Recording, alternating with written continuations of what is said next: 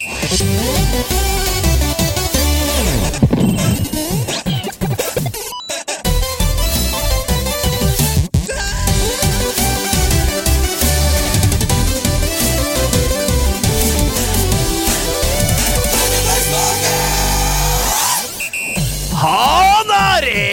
Menneskene som har spilt de spillene som du liker aller best, flere ganger enn deg. Og han er fra Vestlandets aller flotteste by, nemlig Bergen uten skarre-r. Og ikke minst så er han en utrolig fin fyr som jeg er veldig glad i. Steffen Lund, vær så god. Uh, hey ho, Captain Jack, what's behind that buksesmekk? Det tenkte jeg på uh, i sted. At det kunne vært gøy å si. Hey ho, Captain Jack, what's behind that buksesmekk? Og så tenker jeg at folk kan få bedømme om de syns det var gøy eller ikke. Uh, jeg heter Steffen Lund. Tusen takk for at jeg får lov til å være her eh, nok en gang. Skal jeg peke på han og si velkommen til han? For det er jo programlederen i podkasten på nederlandslaget. Den fantastiske herren Andreas Hedemann. Jabbadabadu, buksesmekk! Ja, ja, ja. Eh, Minst, minst, jo, jo, men jeg, altså, her må jeg være litt sånn humble og hyggelig og si at det er minst like bra som Heo Captain Men Jack. hør nå. Ja? Det er Martin Sleipnes som har sendt inn denne catchphrasen. Oh, ja, Han har skrevet 'Jabba dabba du X'. X skal da referere til praten dere akkurat hadde. Så det går an å bruke denne i mange forskjellige settinger. Du sa buksesmekk, Riktig. og så sa jeg 'jabba dabba du buksesmekk'. Men hvordan okay. visste Steffen om dette, og ikke jeg? Han visste ikke om det. Så hvis Steffen hadde sagt uh, 'Hey yo, Captain Jack, jeg liker å gå og sjekke', for eksempel, så, Ja. hadde jeg sjekke, så hadde jeg sagt Ja. 'jabba dabba du sjekk'. Ja, Det er akkurat det vi har snakket om. Man kan Ja, bruke riktig. det i alt. En Jabba dabba du, Captain Jack. Det kunne jeg også sagt. Ja, men jeg skal ikke Nei, nei, nei, nei, jeg skal ikke kritisere hva du velger legg føringer! Du, Steffen, du kommer ikke her og legger føringer. Ok, sorry. Ok, sorry. Men Steffen, Ja. tusen takk for at du nok en gang kan steppe inn som vikar. Absolutt null problem. Steppen Lund! Steppen Lund! Steppen Lund, la det igjen, er det ditt nye kallenavn, eller? Absolutt, la det igjen bli mitt nye kallenavn Steppen Lund. Eh, eh, tusen takk. eh, tusen takk Hva er greia med at jeg blir kalt Steppen Lund, egentlig? Jeg mener, eh, Stepper du inn der, eller stepper du inn der? Du må bestemme deg! Hvor mange ganger skal du steppe inn? Jeg tror dere skjønner. Eh, uansett, poenget er at vi skal si takk. Tusen takk. Eh, Bare hyggelig, mener jeg. Eh, Eh, og du har som alltid forberedt deg godt til denne episoden. um, oh, ja, ja. Så det gleder jeg meg til at skal um, uh, skje. Ja, Eh, den, denne innspillingen, da. Absolutt. Eh, Åssen går det med dere? Har dere det bra? Ja, det er helt uh, tippen i topp. Tippen i topp, ok. Jeg syns det er fint. eh, Jeg synes det er fint. Altså, Hasse Toppe, kan dere bli Altså, Hva skjer? all right, nå kommer Stian Blipp Stian, inn i Stian, studio. Stian, Stian Stian, Stian, ta, Stian, hva hva, hva skjer? Vent. Hva skjer? Folkens. gå inn. Gå inn i Ja. Eh, har jeg lyd i greiene? jeg tror, ja, Vent, da. Sånn. Der. Du, ikke min å avbryte, men jeg kom nettopp av telefonen med de. Og de er med, folkens! Er de med? Ja, ja, jo, jo. Er De er med, de! Ja, ja, ja. ja. Er de med? Jo. Dette har vi jobbet med nå så lenge, og så hardt, og de er med. Nei!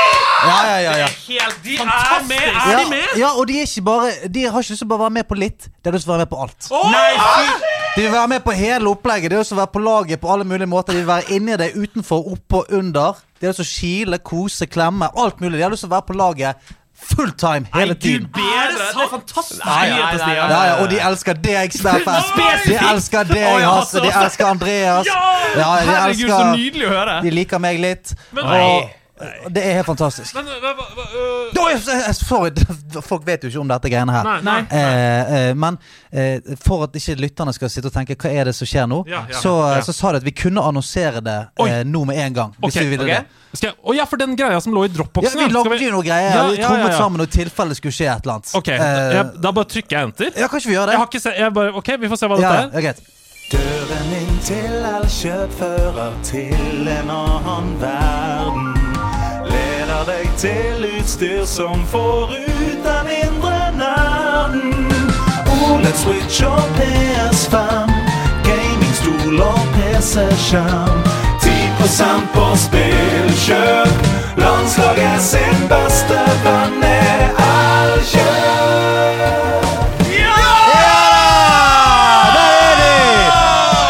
Elkjøp! Elkjøp! Elkjøp! Elkjøp! Elkjøp! Altså, Norges største, om ikke verdens største gaming community, går sammen med Nordens største elektronikkjede. Altså, Hvis ikke det er power couple, så vet ikke jeg. Landslaget sin beste venn. Ja, landslaget sin beste venn. Landslaget sin beste venn er sjøl.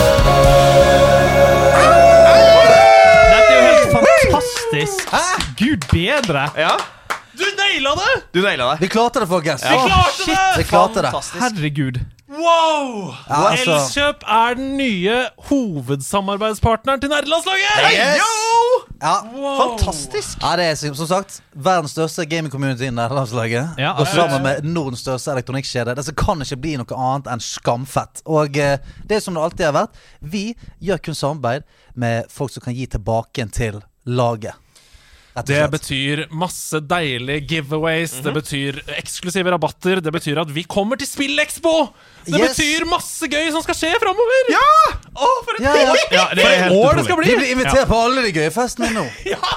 Tror jeg. Og Elkjøp skal komme hit til House of Nerds og ha eventer. Vi skal ha battles med dem. Ja, ja. Masse streams og gøy! Vaskemaskin fra Whirlpool. Yes, ja! Gaming-vaskemaskin! Gaming-vaskemaskin! De kommer med nye oppfinnelser! Og du får Ja, ja, ja. XP Du får XP for hver vask du gjør. ja. Leveler opp. Å, Det hadde vært nydelig. Du, jeg må, jeg må løpe Ja, ja! Klem. Jeg må løpe ut igjen eh, for å se om eh, noen av de, de fire andre har lyst til å være med. Ja, for du også. har masse deals som du driver og closer og ja, løper rundt. ja, og- ja. Men eh, Gosling er ute. Wow. Gosling er ikke med likevel. Tusen takk for fantastiske er nyheter, Stian. nei. Yes. Okay. Det er helt nydelig. Fantastisk. Ha det! Ha det! Ha det. Ha det, Stian! For en overraskelse! Ja. Herregud. Wow! Helt utrolig. Ja, nei, men Da har vi i hvert fall etablert at Elkjøp er på laget. Det er jo helt utrolig. Og at dere har det bra. Vi, vi Nei, har vet det du hva, helt det er ikke det viktigste nå. Nei, men Nei. Eh, kanskje spesielt nå, etter Elkjøp ble med på laget. Ja, da kan vi si at jeg har det bra. Vel, kan jeg få manuset ditt? Det var ikke det jeg skulle, det ikke det jeg skulle si. Kan jeg få det tilbake, er du snill? Jeg klarer ikke å snakke uten. Takk skal du ha. Nei, Det er helt utrolig. Um, dette er jo et bra tidspunkt etter den sjuke energiutladningen å minne folk om at vi lager en podkast, vi to, altså. Som kommer ut hver søndag. Ja. Den heter Søndagsquiz med Hasse og Toffe. Det gjør vi. Og de, grunnen til at jeg sier dette nå, det er fordi da vi begynte å lage denne eh, podkasten sammen, som er, kjempe, går kjempebra, folk elsker det, så var det ganske vanskelig. I starten. Vi fikk, vi fikk litt feedback på sånn Ja, det er kult, men jeg får to riktig, så jeg tror jeg Ja, blant annet fra Stian. Ja, blant annet fra Stian. Så jeg tror jeg, jeg tror jeg dropper å høre på den, ja. fordi det er for vanskelig for meg. Ja. Vi har justert det, folkens. Ja. Hvis du falt av søndagsquiz etter uke tre, Ja. kom tilbake igjen! Det er litt som når du begynner å spille Bloodborne, og så møter du Father Gascoigne. Ja. Ikke sant? Så tenker du Hei, jeg har spilt i en time. Er det sånn det skal være? Forskjellen mellom oss og Bloodborne er at det faktisk blir lettere. Ja, ja, ja, riktig, riktig, riktig. Så fortsetter det bare å være vanskeligere og vanskeligere. Ja. Fordi vi lytter til de som hører på, Ja. og justerer. Så nå er det trygt å komme tilbake hvis dere vil. Og det er masse gøy som skjer framover. På søndag så kommer Magnus Devold, han skal være gjest, og så kommer det en boo, Halloween-episode! Wow. Riktig. Og den, gled, den gleder jeg meg til. Du er veldig glad i skrekk. Vi er glad i gresskar, egentlig. Er det ikke det du er? Jeg er utrolig glad i gresskar. Er det ekstra, og da er det veldig sånn Er det kjipt når du da går inn i november og folk Alle er ferdig med gresskar? Ja, um, altså jeg er veldig glad i gresskar. Jeg er veldig glad i å spise gresskar. Oh, ja. Så jeg er jo ikke så fan når folk putter det ut på Ut, på, ut, ved, ut ved døren blir og lager, lager hull i Jeg blir lei meg av å se bruken av gresskar på denne måten. Jeg har um, vi, vi skal videre i podkasten. Jeg har uh, blitt inspirert, før vi kommer sånn ordentlig i gang for å snakke om hva vi har spilt siden sist, Ja. så har jeg Ja. blitt inspirert av Linus Tech Tips, denne uh, YouTube-serien. Mm, dette Ja. vet jeg ikke hva er. Nei, det er bare en- sånn som alle andre YouTube-serier som gir tech-tips, da. Ja, en Ja, ja. serie som går på YouTube. Helt riktig. Uh, og jeg oppdaga noe på søndag. Som okay. jeg sikkert er veldig boomer for å ha oppdaga nå. Jeg, sier- dere vet det allerede og er sånn Andreas, du er 55 år. Uh, men når du går inn i lagring på IOS og på Android-enheter, så får du sånn iPhone-lagring, eksempel, så ser du hva det er som bruker plass på Mhm. mobilen din. Riktig. Og der står det sånn bilder, bruker så og så mye og sånn. Mm. Eh, det jeg ikke var klar over, det er at flere apper, sånn som Snapchat, WhatsApp osv., Mhm. de bruker enormt stor plass Mm. av midlertidig lagring. Ja. Mm. Mm. Eller det som kalles eh, cache. Ikke sant? På Mhm. internettspråk. C-A-C-H-E. Ja. Mhm, mhm. Eh, hvordan uttales det egentlig? Catch? Eh, cache. Cache. Cache. Mm. Um, og da innså jeg at du kan jo gå inn i selve Snapchat-appen, på innstillinger, inn i personvern, bla, bla, bla, og så slett cash. Oi. Så blir Snapchat går fra 4 giga til 200 megabyte. Oi. Stor. Du, dette kan være life-changing for ganske mange der ute. Absolutt. Og eh, det- dere visste det sikkert fra før, men Nei. til eh, alle dere som hører på, som er like dumme som meg, så kanskje ikke er så Kanskje det er de fleste, egentlig? Kanskje Andreas, jeg har en nyhet. Uh, jeg ante ikke dette. Ja. Dette er helt nytt for meg. Og jeg skal absolutt gå inn og slette cachés. Ja, fordi det er, jo, det er jo veldig mange unødvendige ting. Altså Ja. Det kan jo hende at du ønsker å lagre f.eks. samtaler fra 2011 i Snapchat. Ja. Uh, men hvis du ikke gjør det, så tror jeg den cachet er grei å slette. Mm. Eh, så det var veldig digg. Da fikk jeg masse mer plass på mobilen til å, re, til å oppdatere Heartstone. For det er jo et sånn 40 giga stort spill. Som Riktig. da når Hver gang det skal oppdateres, så legger det på en måte på toppen, og så sletter det det gamle istedenfor. Det er veldig irriterende. Fantastisk tips, Andreas. Mm, mm. Mm. Veldig veldig bra tips. Eh, Nydelig. Takk skal du ha. Takk for det. Eh, Var det din Steffen- hammedag? Nei, det var det ikke. Det var bare en liten Linus Tech-tips. Ok. Men uh, Steffen, Ja. hva spiller du nå om dagen? Vi skal begynne å snakke om TV-spill. Vi skal begynne å snakke om TV-spill. Hva spiller du nå om dagen? Jeg, jeg spiller litt forskjellig. Jeg um, hopper uh, Noen ganger så får jeg det over meg, og så hopper jeg inn og gjør en match i uh, Texas Chainsaw Massacre. Ja, det er et underkommunisert spill i NL! Ja. Du er den eneste som spiller det. Jeg er den eneste, Eh, og jeg, eh, jeg reachet out i discorden for en Ja. stund tilbake. Noe jeg aldri har gjort i hele mitt liv. Og jeg spiller aldri online-spill. Jeg har litt sånn online-spillangst. Ja. Jeg syns det er skummelt å spille online-spill. Det kan jeg forstå. Men jeg åpnet opp eh, Discord, og så skrev jeg en lang greie hvor det var sånn her Jeg syns online-spilling er litt skummelt. Jeg har lyst til å spille dette spillet. Er det noen som har lyst til å joine meg? Tar to dager, får ett svar som er sånn Jeg har hørt det piss drit. Jeg bare, All right, Oi. konge. Ja, men da bare, da bare finner jeg ut av det sjøl. Men takk skal dere ha, dere. Det var veldig hyggelig. Hva slags oppførsel er det? det var ikke så mye å få der. Kjære uh, men hvis det er noen som spiller det, bare hit me up. Jeg, jeg liker det kjempegodt. Ja. Jeg, eh, jeg, jeg spiller det masse. Du heter Steffen Hund på Discord. Jeg heter Steffen Hund på Discord. Ja, og det er riktig. åpent. Det er ikke, han, han har ikke doxa deg nå? Nei, han har ikke dokset meg nå, heldigvis, men det er Steffen Hund på Discord. absolutt. Uh, utenom det så uh, spiller jeg og min samboer Ok, brems opp. Hva Brems? er Texas Chainsaw Massacre? Vi har ikke snakka noe om det spillet. Nei, det er et asymmetrical uh, horror online-spill. Du spiller som enten survivors eller familien i denne motorsagmassakren-familien. Sawyer-familien spiller du som. Du kan spille som eh, Leatherface, du kan spille som Uncle, du kan spille som de forskjellige karakterene fra filmen. Og dette er jo referanser du tar, Hasse, for du er jo spesielt glad i filmen. Jeg er veldig veldig, veldig glad i filmen. Ja, ikke sant? Ja. Da vil du nok være glad i spillet også, Hasse. Ja vel. Det er ikke alltid sånn at jeg liker Bare fordi jeg liker IP-en, så liker jeg spillet. Nei? Nei. Det er greit. Eh, det er helt greit. Og det kan være at det skjer med deg denne gangen også, men i mitt tilfelle så jeg syns dette her er et eh, helt perfekt spill. Ja. Men hvorfor kan ikke vi spille det sammen, da? Altså, jo, hvis, det det er, hvis det er multiplayer? Jo, men det kan vi jo. Ja. Bare spør meg, du. Spør, skal vi spille det? ja, da gjør vi det, da. Ja, men Da har vi en avtale, da. Er ikke dette fint? Det er helt nydelig når noe sånt kan oppstå så naturlig på direkten. Ja. Fantastisk, jeg elsker det. Men da, da må dere rapportere da på et tidspunkt hvordan det har gått. Du kan komme tilbake altså, og si sånn Ja, jeg spilte sammen med Steffen, det var ikke så gøy, for han er så god, og jeg er ikke Ja, ja. så Eh, Ja, eller- Koster det 600 kroner? Nei, det koster 300, tror jeg. Da kan vi gå sammen i nederlandslaget og vippse deg. Ja, ok, greit. greit. Ja, du kan få det på utlegg. Ok, greit, takk. Nå som Elkjøp er på laget. Det er Er, blir det det første Elkjøp kjøper til oss? er Texas Chainsaw Massacre til deg. Elkjøp, hører dere på? Kjøp Texas Chainsaw Massacre til Hasse. Jeg skal ha fysisk utgave. Ja, perfekt. Eh, uten det så spiller jeg og min samboer uh, Aurora vi spiller split screen Boulderskate 3. Koser oss masse med det. Ja. Um, Hvordan, hvordan syns dere den opplevelsen er opp mot Diablo, som dere også spilte split screen sammen? Riktig. Um, det, er to, det er jo to vidt forskjellige spill, og vi spiller jo DND hver torsdag fast. eh, fast. Og eh, det er jo som DND, at bare Ja. tilfeldige random ting skjer. Og da er vel som vi gjør det med en gang. Ja. Så denne følelsen av at du kan bare gå den retningen der, og så er det plutselig noe som oppstår, og vi er sånn ja, fuck it, vi slenger oss på, vi gjør dette oppdraget med denne heksen der i sumpen eh, her. La oss gønne på. Eh, sånne type ting, oppleve det på den måten, er veldig gøy. eh, og veldig annerledes fra Diablo, som føles mye mer sånn straight mm. forward. Jeg bare Eh, ser for meg at eh, når man er så um, investert i DND som dere er, Ja. så får man mye mer ut av Boulderskate òg. Fordi Ja, det ja. spillet, jo mer du Det er litt som Starfield også. Jo mer du roleplayer, jo gøyere er det. 100% og jeg jobber med å romance Shadowheart og Asterion, og Aurora jobber med å romance Halsin.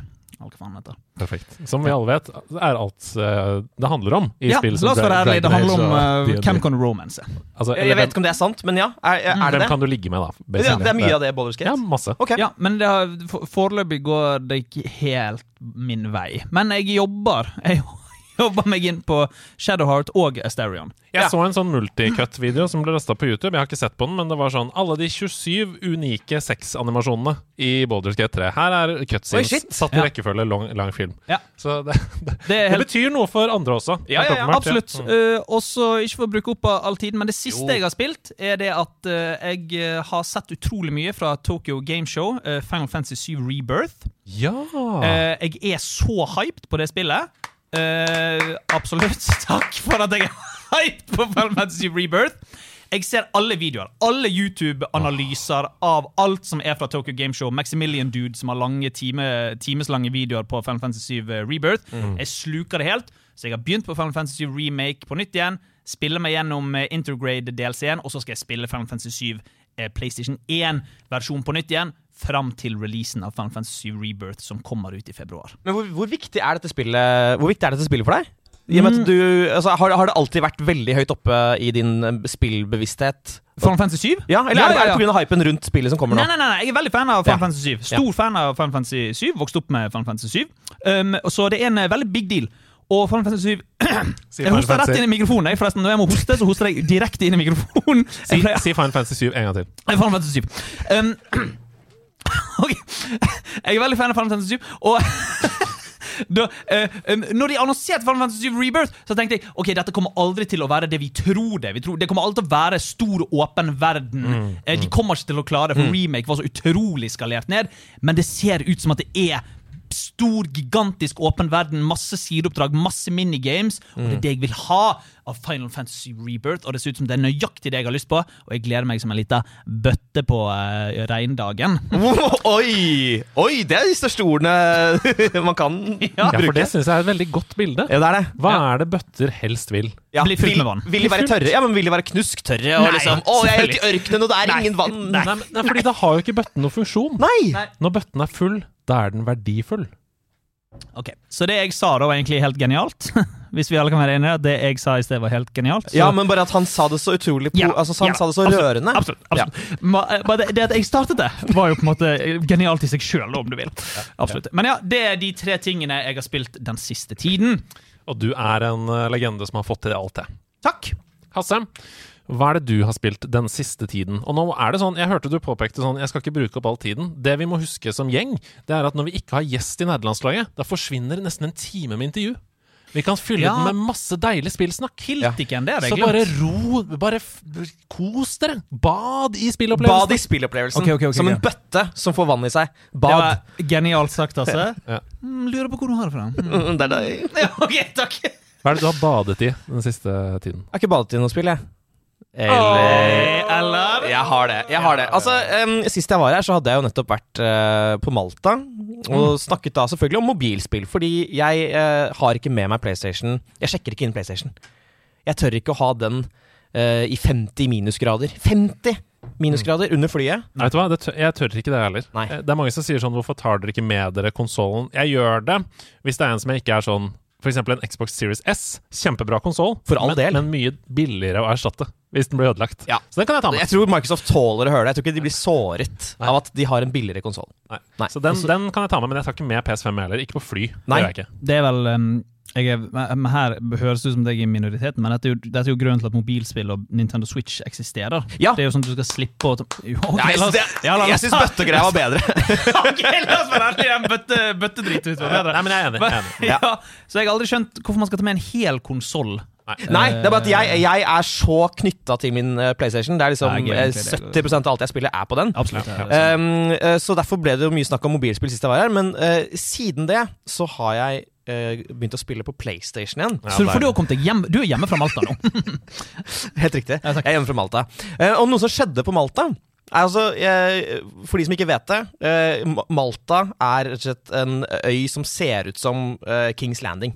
Altså sånn på ekte. Altså det, det ser ut som nesten som en kulisse. Det er sånn at Når du kommer, så tenker du shit, har de, har de bygget opp dette Sånn som Morgan Kane City er bygget opp i- på Tusenfryd. da At dette er bare for at folk skal komme og se og føle at de er med på noe autentisk, men så er det faktisk en ordentlig middelalderby og veldig sånn deilig, deilig stemning. Ja. Med masse masse historie om riddere, malteserriddere og osmanere. Sjokolade. Og sjokoladene. Um, og det, det å være der eh, gjorde at jeg har fått en sånn hangup på middelalderen. Ja. Ja! Veldig! Ja. Men du, etter at jeg var i Japan, min mann Etter jeg var i Japan Ja. Jeg var eh, persona i mange måneder etter Ikke jeg var i? Japan. Ja da, Man får helt eh, dilla på det greiene der. Man får dilla på de greiene man besøker. ja, man Ja. har lyst til å eh, å føle det samme på Ja, nytt igjen. og det er- og det kan man gjøre gjennom dataspill. Ja, Skal vi til Chivalry 2? du, det, er- det er veldig fint. eh, Jeg hadde Veldig tenkt at det, jeg tenkte at det skulle være en stor overraskelse. Eh, Men ja, fordi jeg har blitt, jeg har blitt veldig fått, fått henge på, på middelalderen, og da er jo det første jeg gjør, å gå tilbake og spille Chivalry 2, som, er, eh, som var på min toppliste eh, for noen år siden. Jeg elsker det spillet. Det er da et slags eh, Det er et eh, actionspill der mult, mult massive Masse Veldig spillere. gøy, veldig veldig gøy. gøy. Du Mm. spiller riddere som løper mot hverandre med sverd og lanser og hester, og det er helt kaos. Dødsgøy. Og alle elsker når du spiller det også. Det klippet vi la ut på Instagram for et par uker siden, hvor du eh, skyter folk med spyd En enorm Ja. andbolt. Ja. eh, Mm. Med ballistaen din. Ballista er det. Ja. Så det Ja, masse god respons. Så hvis du har lyst til å streame det, folk vil se det. Du, Det er kult, for jeg, jeg kommer til å spille mer av det nå. Uh, jeg syns det er en veldig sånn deilig avveksling fra f.eks. skytespill som Overwatch uh, og uh, CS og COD osv. Bare fordi det er Ja, du har pil og bue, men det er jo sverd! Ja, ja, ja. Det er det vil- det er det sverdet, vet du. Det er det sverdet, og det har du, du har jo akkurat greit. Du har Reinhardt. Det- Han er den mest middelalderske i Overwatch. Ja, men det er holder ikke. Ja. Eh, Så jeg spilte det, og så tenkte jeg hm, jeg må jo uh, se om det finnes andre spill jeg kan spille. Uh, så jeg søkte liksom på medievalgames.com. Eh, og så innså jeg at jeg har jo helt oversett For Honor, Ja, ja, som kom for noen år siden. Det er Eh, mange som sikkert har oversett det fullstendig. ja! Ja. Jeg liksom, jeg, jeg, jeg tror jeg blandet det med et annet spill og tenkte at det var et dårlig spill, men så gikk jeg inn på anmeldelser og ser at det er jo et veldig eh, høyt an, godt anmeldt spill, og mm. det er visst veldig bra. Så begynte jeg å spille det, og det minner jo veldig om Chivalry 2. Ja. Eh, I den forstand at du er i middelalderen, eh, Mm. du slåss mot hverandre. Det er veldig mye eh, Multiplayer. multiplayer. Ja, ja. my legger mye vekt på teknikken. Altså at du på en måte har stances, og du blokker, og Mm. eh, hvis motstanderen din har én stance, så må du skifte stance for å kunne eh, skade han, Mm. videre. Mm. Eh, og forskjellen der er jo at eh, eh, altså, istedenfor at det er liksom bare satt i middelalderen, så er det sånn at du kan spille ridder, samurai Yes. eller viking. Ja, ja, ja, Og det i seg selv er jo bare sinnssykt fett! Mm. Eh, det er jo de tre kuleste formene for uh, Slåssing. slåssing! Spør du meg! Det var så utrolig mye hype for uh, For Honor Ja. da det kom. Ja. Eh, Åssen uh, syns du det står seg mot Chivalry 2? Altså, det ser jo unektelig mye, mye bedre ut. Uh, det, altså, det er utrolig vakkert. Uh, flotte Og det er, altså, fysikken er veldig, veldig kul. Eh, men jeg savner ganske fort, når jeg spiller det spillet, så savner jeg bare det frenetiske, sinnssyke helvete som det er å være midt på uh, uh, slagmarken i Chivalry 2. Det kaoset der er det jeg vil ha, da. Det blir så rent. Det blir så veldig sånn Nå skal du og jeg duellere. ja. Um, her er mitt sverd Soink, sank, sank, sank! Mens i Chivalry 2 er det ah, Nei! Ja. Hvor er du? Ah! Oh! Men Chivalry 2 er vel Er ikke det litt køddespill? Altså, Er ikke det litt eh, morsomt spill? For jeg har ikke spilt mye Jeg spilte gjennom tutorialen, og så spilte jeg tre matches, og så måtte jeg gjøre noe annet. Lage middag, for eksempel. Um, men eh, da mener jeg å huske at uh, i tutorialen så var det jo en uh, voiceover som fortalte hva du skulle gjøre, som var litt sånn Monty Python-aktig, tøysete-aktig britisk humor. Den er tongue in cheek. Tongue in cheek, ja. Ja. Det er jo ikke For Honor. For Honor er vel liksom Det er mye mer seriøst. Ja. Ja, eh, men altså Chivalry 2 er ikke et tullespill, men de okay, har noe sånne Jeg er veldig lei for at jeg kalte Chivalry 2 et tullespill. Kan du noensinne til meg? Ja, Ja. Vi kan sende meldinger til hverandre etterpå. Ja, og se. etterpå. Ja. Men det, altså, det, er ikke, det er ikke tull, men du, de har masse sånne morsomme små elementer. Altså Måten du kan liksom trykke på knapp, så skriker du på en veldig tullete måte mens du løper inn med Ja, det husker jeg. Ditt. Ja, det er veldig gøy, det. Ja. ja. Så det er, det er veldig fargerikt. eh, Så jeg kommer nok til å spille mer Chivalry 2 Ja. enn For Honor. Beklager. Og greit. Så har jeg spilt et til middelalderspill. Oh. Nå bare bader jeg, vet du. Ja, det er bare Ja, bad. ja, ja. Bader. Bad. Nå har, du, nå har du funnet en liste med middelalderspill, så nå lever du godt, på en måte. da Jeg lever veldig veldig godt, Mhm. eh, og jeg har rett og slett begynt å spille A Plague Tale Innocence. Riktig. Som kom eh, 2018-ish, kanskje. Ja. Kom for, for, for noen år siden. Mm -hmm. Pestens spill. Pestens spill. Ikke sant? Og dette spillet Rotte, er jo Rottespillet. Rottespillet. Dette er jo eh, Det blir ikke noe mer middelaldersk enn dette spillet. Det er liksom satt til 1350-ish. Mhm. uh, du er i en eh, liten fransk landsby. Det er, du har veldig tenske klær på deg, og så er det da rett og slett at uh, rottene og pesten uh, kommer, og du er en jente som skal ta vare på din lillebror. Og eh, det jeg kjente veldig fort, var sånn Å, så deilig å være her. Eh, så, så bra historie. Um, men så er det bare det at eh, dette spillet minner på veldig mange måter om Last of Us. Ja, okay, Sånn i yes. måten du liksom sniker rundt. Du er i, i høyt gress for å gjemme deg for fiender. Eh, du har med deg en liten venn som du må passe på. Eh, og når du da har spilt gjennom Last of Us fire ganger, og Last of Us 2 to ganger, Ja. eh, så, så blir bare liksom spillmekanikken er såpass mye svakere og mindre polished at det plager meg. All right. Ja. Ja. ja. Vil du si at det plager deg? Det er Dette er bra, Andres. Det er kjempebra! bra. Det er helt fantastisk bra, Andres. Uh, Ja. og Vi begge altså, applauderer så klart. Uh, Pleier deg. Uh, jeg, jeg må bare skyte inn. Jeg får lov til å si- skyte spørsmålet til Hasse. Ja, ja, ja. Jeg lurte på, eh, fordi at jeg eier begge disse to spillene. Mm. Jeg har kjøpt eh, den første, og jeg har kjøpt det andre. Ja. Eh, De ligger i hyllen min. Ja, Jeg har det det- fysisk i hyllen. Det ligger også på GamePass til de som hører på nå. Begge spillene. Så hvis du har det spillet, nei, det abonnementet, så kan du sjekke det ut. Ikke sant? Og Grunnen til at jeg ikke har startet opp, er nettopp fordi at jeg har fått inntrykk av at det er en janky Last of Us. ja det er jo det. Vil du si det, at det stemmer? Jeg vil si at det 100% stemmer, og det er veldig Det er ikke rart at det er det, fordi det er et ganske lite eh, team som lagde det. Og det at de har fått til å lage et så vakkert spill med så få mennesker Så mm. få som eh, står bak, med så lite budsjett, er veldig imponerende. Men til syvende og sist så sitter jo jeg igjen med den spillopplevelsen jeg sitter igjen med. Så det, og det er litt den samme følelsen jeg har fått eh, etter å jeg, oppdag, altså jeg begynte jo å spille eh, Uncharted 2 før jeg spilte Uncharted 1. Ja, kjære, Og synes jo det var, Uncharted 2 var helt fantastisk, et av mine favorittspill gjennom alle tider. Og så eh, gikk jeg tilbake og spilte Uncharted 1, som er janky as F. Jeg vil ikke banne på denne podkasten. Okay. Um, og det er litt det samme problemet. Samme problemet jeg hadde med Assassin's Creed 2. Og så begynne å spille Assassin's Creed 1, som er veldig mye dårligere. Ja. Så det jeg har tenkt å gjøre, er at jeg har tenkt å se gjennom YouTube, eh, altså hele spillet, for å få handlingen.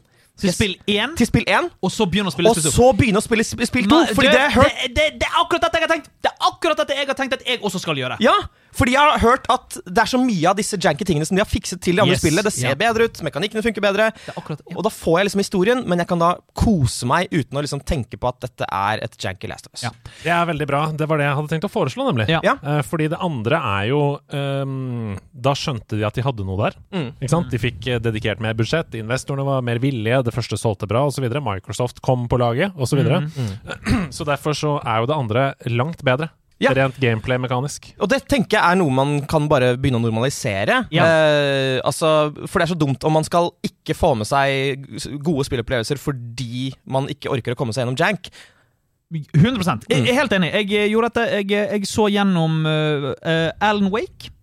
På grunn av, fordi Alan Wake 2 kommer ut uh, denne måneden. Mm. Uh, og jeg gleder meg så mye til det, fordi at det skal være veldig sånn survival horror. Mm. Å spille Alan Wake, men det er jo litt uh, Det er et spill fra 2010, så det er litt sånn uh, jank. Ja. Men da så jeg gjennom hva skjer i dette spillet. Ja. Nå er jeg liksom oppdatert, da. Ikke sant? Ikke sant? Ja, Ja. Og da trenger du aldri spille det Alan Wake 1 igjen. Det er litt det. Ja. Og jeg er enig, jeg syns vi må normalisere dette. Normalisere For. La oss være ærlig, spill tar tid å spille gjennom, og det er ikke ofte man har den tiden. Noen ganger så har man en time til å se en eh, eh, oppsummert video. Ja, fordi det, det er det som er forskjellen mellom å begynne å se på en TV-serie der alle er sånn uh, 'Sesong én er jævlig kjedelig, ah, men det tar seg sinnssykt opp i sesong to'. Ja, da kan ja. du på en måte unne deg å se sesong én. Mm. Mens her er det snakk om å liksom sette av uh, 30 timer Mm. på jank.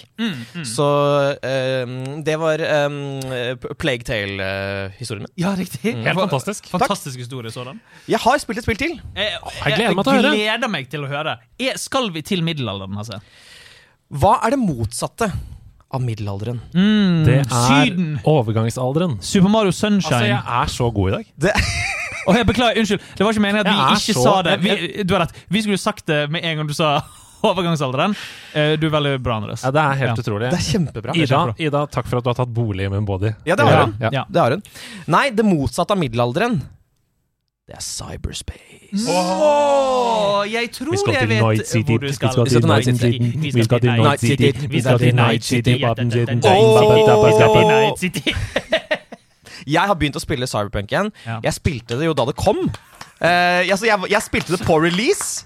Og jeg, jeg og, og ble jo så frustrert av alle mulige eh, ting som ikke var ferdig ferdige og ikke var fiksa, og jeg spilte det kanskje i, i ti timer, og så gadd jeg ikke mer. Og nå kommer jo altså Phantom Liberty eh, expansion. Idris Elba. Idris Elba Ja. og han får kjempegod omtale i, det, i den eh, expansionen her. Så klart det er Idris Elba. Det er Idris Elba. Så jeg tenkte da, eh, nå skal jeg eh, begynne å spille hovedspillet igjen. Og har jo også skjønt at veldig mye har skjedd siden sist. De har fiksa opp i veldig mye greier, pussa på det. Eh, det er optimalisert på en helt annen måte enn det var før. Og jeg storkoser meg. De Jeg har jo til og med altså, de, har, de har bytta ut store deler av spillet. Altså, eh, Oppgraderingssystemet er annerledes. Det er det samme som å si at du skal begynne å spille Skyrim, og så du vet når man går opp i himmelen, så er det sånn er det tre, skill trees, som Ja, du velger ja. hva du skal oppgradere. Det er som å kaste det og bruke et helt annet system. Ok. Så store endringer er det. De har implementert en helt annen AI for politiet, som er helt annerledes. Alle NPC-ene oppfører seg annerledes.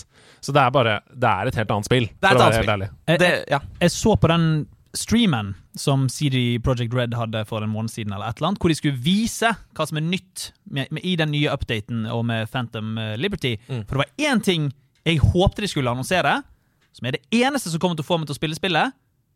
er tredje person. Mm. Er det det? Mm. Kan, jeg, kan jeg gå inn og, og, mm -hmm. og spille tredjeperson? person? Nei, visste jeg. Nei, det er det jeg sier til deg. Det oh, ja. annonserte de ikke. Nei, ok. Ja, fordi du ønsker deg tredjeperson. Ja. Jeg ønsker meg tredjeperson. Beklager, altså. Det var ikke nei, nei, nei, det går fint. Eh, Men jeg kan ikke spille eh, sånne førstepersonspill, for meg blir mighty kvalm. Det har de Mighty number kvalm. mighty number kvalm! Det er et fantastisk gårdsspill. Ja, ja. Eh, også fordi det spillet var Mighty en Number Kvalm. spy. Eh, men eh, Starfield Ja. Både første og tredje person. Yes, ja, jeg vet. Jeg vet det, og, og det er helt konge. Mm. Samme i Red Dead 2. Der kan du også velge første og tredje person. Ja. Og ja, det syns jeg om ditt eventyr i Night Ja, City. beklager. Ja, nei, altså Nå har jeg bare fått spilt eh, tre-fire timer um, og valgte meg en annen klasse. Jeg spiller nå Nomad, um, men jeg syns det er utrolig uh, fett. Jeg syns det ser uh, veldig veldig kult ut. Det er en det, Altså bare den følelsen av å komme seg inn i Night City er dritfett, og man merker veldig fort at NPC-ene er noe helt annet enn det det var, osv. Mm, ja. Uh, og det er bare, også bare veldig gøy å ha brukt sinnssykt mye penger på et spill, og så har det bare ligget der. Og så kan jeg begynne å spille igjen, og så er det som å få et nytt spill. Ja. Det er altså, d- disse utviklerne som gjør disse tingene, skal ha all honnør i verden. Jeg tenker på No Man's Sky-teamet. Mm. Jeg tenker på Cyberpunk-teamet spesifikt. Tar et spill som ikke funker ved release, la oss være ærlige, og bare fikser det og gjør det tusen ganger bedre og nekter å gi det opp. To år etter så er det dritbra, liksom. Det mener jeg er en utrolig styrke, og som vi må være flinkere til å hylle. Jeg skal også spille Cyberpunk. Jeg spilte da det kom, og syntes det var en ganske middelmådig opplevelse. Uh, jeg gleder meg til å spille det på nytt. Kan, eh, kan jeg For at jeg har, eh, jeg har også Cyberpunk eh, 2077 fysisk i hyllen min. så klart absolutt. Jeg har PlayStation 4-versjonen eh, fordi at jeg kjøpte det på releasedag da det kom. For jeg uh, gikk Hypen tok meg, la oss være Ja ærlige. Ja, Mm. Men jeg prøvde det aldri. Eh, For at eh, Yakuza Like a Dragon kom også ut den dagen, og jeg prioriterte det istedenfor. Men eh, det får nå være det samme. Kan jeg putte PlayStation 4-versjonen inn i min PlayStation 5 og få denne nye oppdateringen helt gratis uten å måtte gjøre en jækla pilt? Verken Andreas eller jeg vet svaret på det, Riktig. men jeg regner med kan det. dere If you already own Yes. Cyberpunk 2077 on PS4, That's me. then you'll be able to upgrade your game to PS5 for free. Oi. My goodness gracious. Ja, solgt. Solgt. Uh, jeg skal prøve det. Jeg skal selvfølgelig prøve det. Jeg hører varme ord. Jeg hører gutta i Level Up snakker om at uh, hele den gjengen der har begynt å spille det igjen. Så jeg, jeg, jeg skal prøve det. jeg skal prøve det, jeg skal prøve det. Så det er, det er en veldig enkel måte å gjøre det på. Det er bare å uh, pop in the game, eller Ja. gå til My Library hvis du allerede har installert det, og så går du til butikken og bare velger PS5. i. Helt fantastisk. Akkurat sånn som vi gjorde med Overwatch. Nettopp. For vi spilte jo det på PS4, og så kom det, og så bytta vi. Ja. Mye bedre opplevelse. Ja. Og det var det. Det var det. Deilig. Jeg har fått meg holder til Nintendo Switch! Hæ?! What?! Jeg så denne lille sketsjen du lagde på Hæ? Instagram. Den, hva tenker du på denne deilige dramafilmen? Ja, jeg får hals. Var ikke det fint? Jo, det var helt nydelig, det. Fin opplevelse. Så du kan altså Du slipper å holde den. alt som jeg har slitt med med min Nintendo Switch, Ja. altså at jeg blir sliten når jeg Ja. ligger i senga og spiller den, for jeg holder Ja. den over hodet, det er borte. Jeg har nå festet en holder i sengegavlen på sengen, der jeg popper inn min Nintendo Switch når jeg legger meg, hopper opp min Pro-controller og ligger og ser opp i taket med hodet på puten og spiller F099. Bortsett fra at det blir jeg for gira av, så da blir jeg ikke Ja. trøtt. Nei. Så jeg går over til andre roligere spill, Mm. som jeg Ja. koser meg med på kvelden. Indie-spill, som er et av de første jeg skal snakke om for eksempel etterpå. Og det er altså en så stor oppgradering av livet at jeg anbefaler absolutt alle å gå inn på wish.com og bruke 100 kroner på en sånn Ja, det er Wish. Ja. ja, det er såpass, ja. Det er jo helt genialt. Eh, kan jeg bruke den til andre ting også?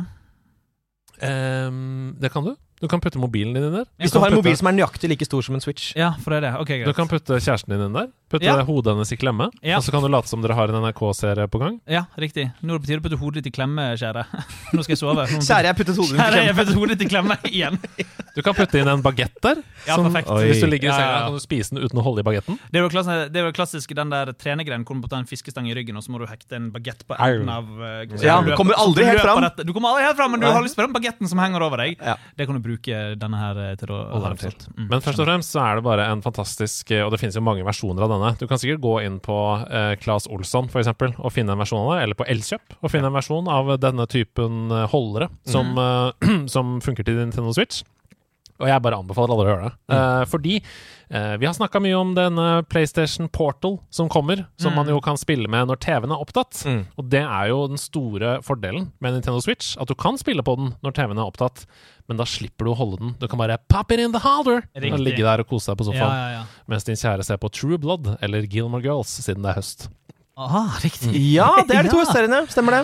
Det er de to høstseriene. Det er helt riktig. Så det er det første jeg ville snakke om. Det Ja. andre er at jeg har spilt masse, masse, masse Forsa Motorsport.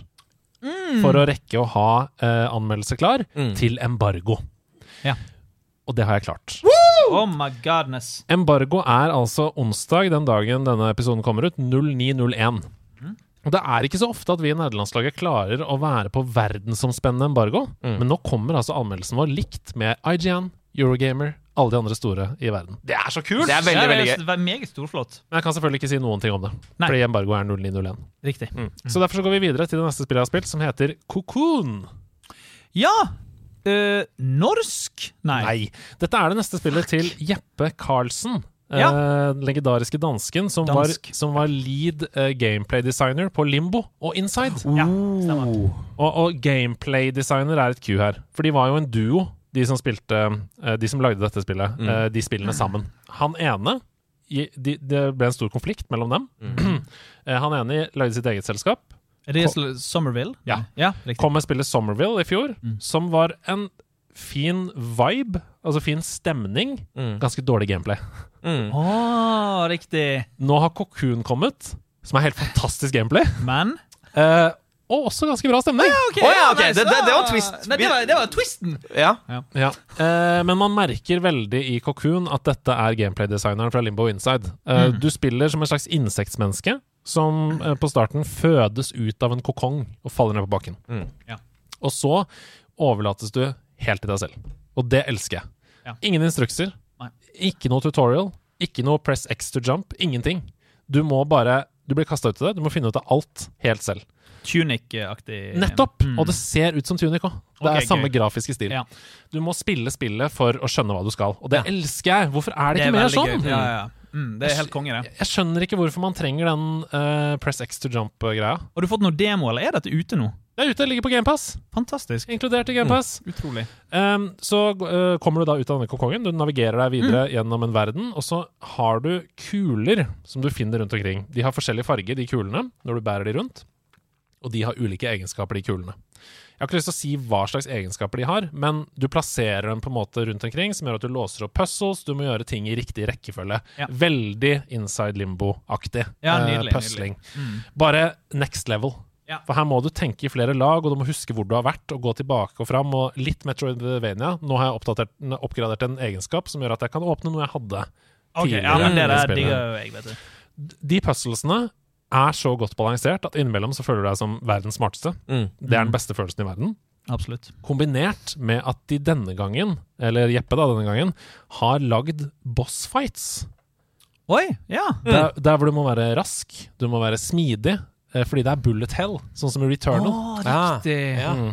Så si at du f.eks. er i en bossfight hvor det kommer sånn Så er du plutselig inne i et bur, og så mm. kommer det eh, ting opp av bakken som du må mm-hmm. dodge fram, samtidig som bossen skyter på deg plapp, plapp, plapp, plapp, plapp, plapp, plapp, riktig, masse riktig, kuler. Riktig, riktig, Gøy. Ja. Okay, ja, ja, det høres kjempegøy ut. Ja, kjempegøy. Det, er en uh, luksus. Den lille danske luksus. Den lille danske luksus-spillopplevelse. Uh, så det er drita, drita bra. Jeg skulle ja. ønske at vi hadde kapasitet til å anmelde det. Mm. fordi det hadde fått en høy karakter.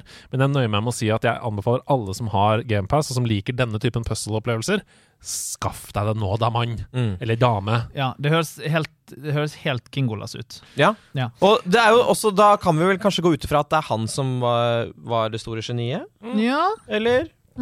Jeg tror kombinasjonen var veldig bra. Ja. Fordi um, det er noe med stemningen i Somerville som jeg syns er helt fantastisk. Jeg bare Ja. tror kanskje at han andre er litt mørkere til sinns. Mm. Og så er Jeppe Laursen da, litt håpefull. Ja. For jeg opplever at det er Sånn, ikke noe sånn den ene er Nemi, og den andre er Pondus. Ja, litt ja! enig. Oi! Litt enig. Eh, Kokun, Kokun har en mm, følelse av håp Mm. som jeg ikke føler i Limbo Inside i like stor grad. Men Somerville er veldig mørkt. Mm. Og det er sånn, det begynner med eh, apokalypse, liksom. Så det, er- det tristeste av alt er jo selvfølgelig at kombinasjonen ikke finnes mer. Ja, ja. Fordi Limbo og Inside er to helt fantastiske spill. Mm. Så, men likevel, Cocoon. Hvem vet, kanskje de spiller uh, spillene til hverandre og mimrer tilbake 'Å, vi var jo veldig gode sammen'. Ja, Og så det at de har lagd hvert sitt spill, bringer de tilbake igjen. og så sier de unnskyld. Ja, Unnskyld på dansk. Venn. på vårt språk dansk. Sm- Smørbrød. Ja. ja. Unnskyld, min smørbrødvenn. ja. Aarhus. Aarhus Det, det er i det. Danmark. I Danmark. Ok, eh, Cocoon, gå inn og spill det. Og så vil jeg bare ta med ett spill til før vi går videre, Ja! som er nok et helt fantastisk spill! Gud, jeg, jeg, gleder meg til å, jeg gleder meg til å høre. Og det er en helt annen sjanger. Dere to kommer til å elske det, begge to. Nei, guri, ok, Da må jeg sette ned drikken min. Og du kommer til å elske det av helt andre grunner enn deg, og det elsker jeg. Ok, det er gøy. Det Ja. blir spennende å høre. For dette er et tredjepersons Mhm. skytespill Ok, ikke sant? med Ja. horror. Hei! Yay! Så du kommer til å digge Det er meg, altså. Hasse. Ja, Hasse, du kommer til å digge uh, tredjepersons Hotline Miami-aktig «Oi, jeg skal skyte Ja. push», Mens du kommer til å digge ah! Jump scare! OK, skyte deg i trynet! Okay, okay. Uh, eller eventuelt ta en stake og Ja. smelle gjennom hjertet ditt. For Fordi? dette er et vampyrspill Ja, jeg tenkte meg det. som heter El Paso Elsewhere. Dette har jeg aldri hørt om. Ikke heller. El Paso Elsewhere Og det hadde du spilt? Ja. Jeg spilte, jeg spilte det i går. Jeg kom ca. 20 gjennom, og det eh, Jeg har følelsen av at dette kan være en slags contender til Game of the Year. Altså. Wow! Altså, litt sånn som Vampire Survivors. Ja. Det kommer fra ingen steder. Ja. eh, og er også et vampyrspill. Ja. Men bare, bare hør på dette. Ja. Dette er nå, nå skal jeg gi dere ett minutt fra El Paso Elsewhere. I tell myself it was always going to be a one way trip. That's what love is. So let's take it from the top. Max is Dracula, Lord of the Vampires. 15 miles from here, in a tiny motel in El Paso, Texas, she's conducting a ritual that will end the world as we know it.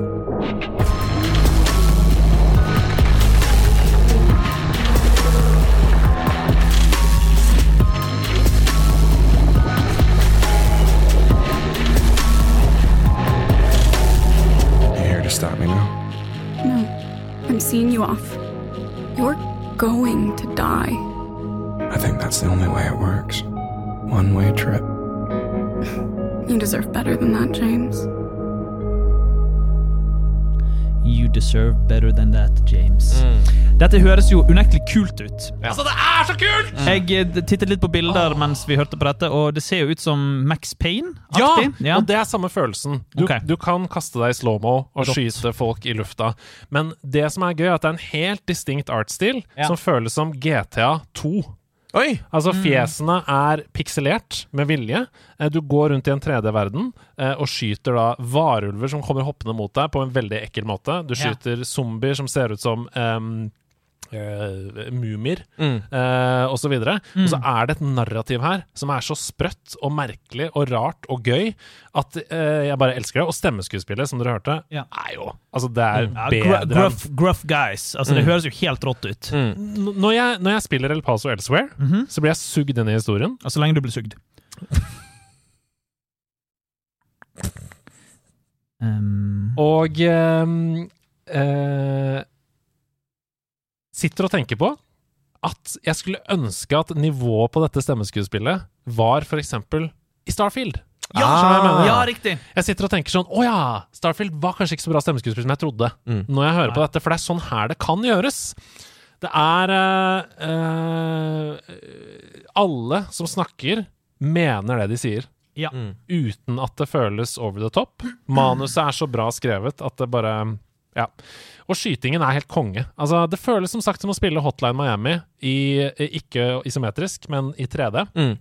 kombinert med, med en fantastisk eh, fengende historie. El Paso Elsewhere.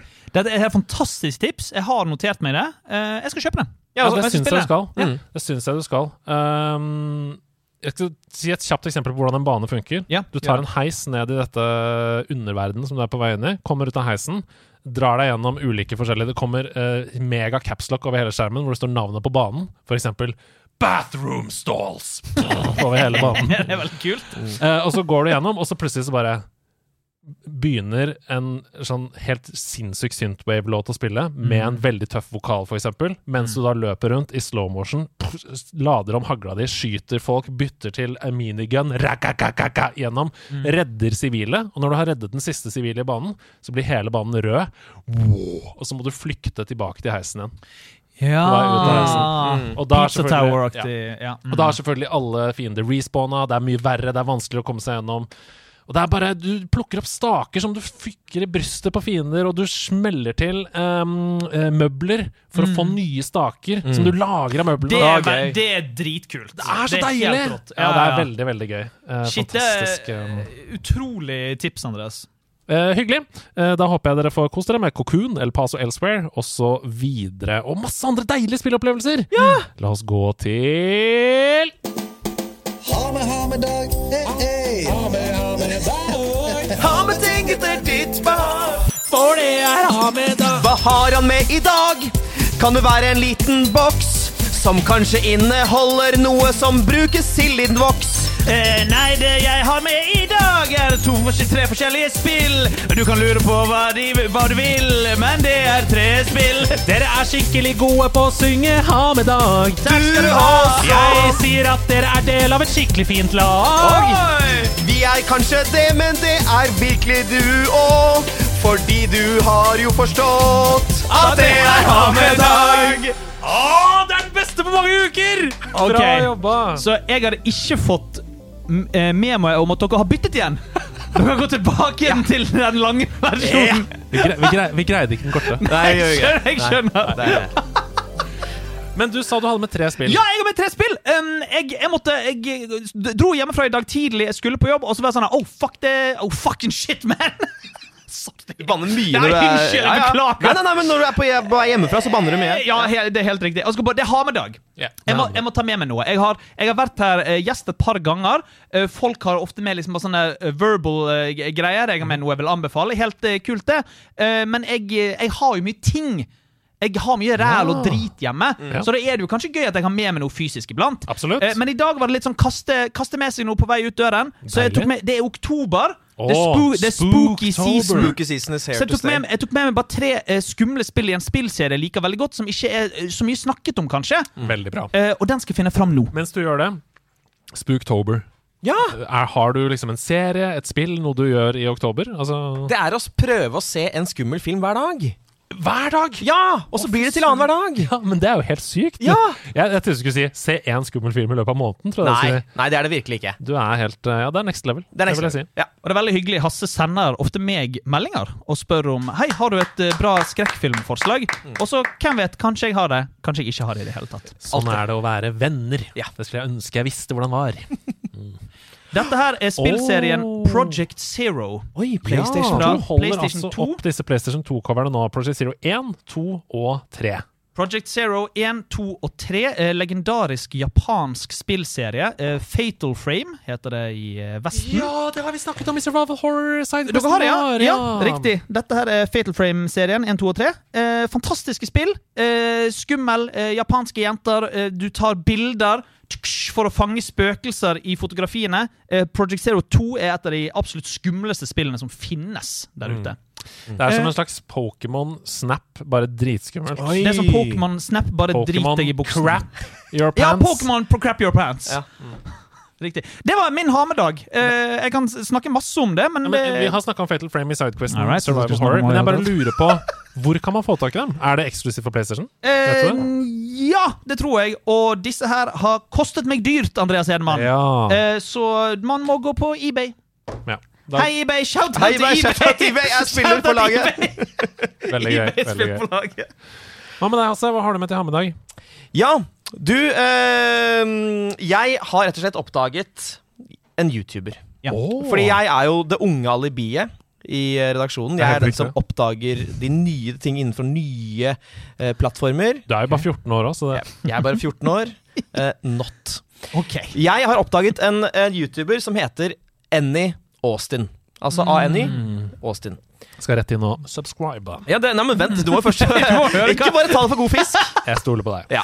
Um, og det som er greia, er at han er en YouTuber som eh, legger ut uh, ting om spill. Uh, og har veldig mange forskjellige serier der, men det gøyeste og fineste for meg er en serie der altså, han rett og slett uh, går inn i spill for å finne Altså, Dere kjenner til begrepet liminal spaces, ikke sant? Eh, explain to the folks at home. Ok, altså eh, et, et liminal space Det er på en måte et, et sted Som ikke er meningen at du skal oppholde deg i Du skal bare gjennom det eller forbi det Det er ikke liksom laget for at noen skal egentlig trenge å være der For eksempel hvis du kjører på motorveien Og så skal du ta av Og så kjører du under en bro Og så er det på en måte et lite sånn flekk med gress der Som på en måte bare er der fordi det var noe til overs eh? Da de bygget det Det der elsker jeg. Ja, ikke sant? Det Ja. elsker. Eh, Så han tar rett og slett tak i dette og har da en serie som heter Unremarkable and Odd Places in for eksempel Twilight Princess, Ocarina of Time, Mario 64, Banjo Kazooie. Right. Jeg tror jeg har sett en video av han der. Dette er Ja. nerderi som jeg setter pris på. Yes, det er ja. veldig bra. Ja. For det, det er slett, bra. altså, rett og slett bare finne steder som er egentlig sinnssykt kjedelige, Mm, men fordi de er så kjedelige, så blir de på en måte interessante. Mm. Og ikke minst fordi det er steder som spillskaperne aldri mente at du skulle bruke tid på. Du Ja, skulle aldri ja. se så lenge på det her. Um, og øh, jeg tenkte å spille av et lite øh, klipp. Det er jo selvfølgelig sånn at det er mye gøyere når du kan se det selv, Mm. men eh, her får dere i hvert fall en, en, en, Nå skjønner dere vibben til Annie Austin. Ja. Her kommer det klippet. Uh, it's this corner of Hyrule Field.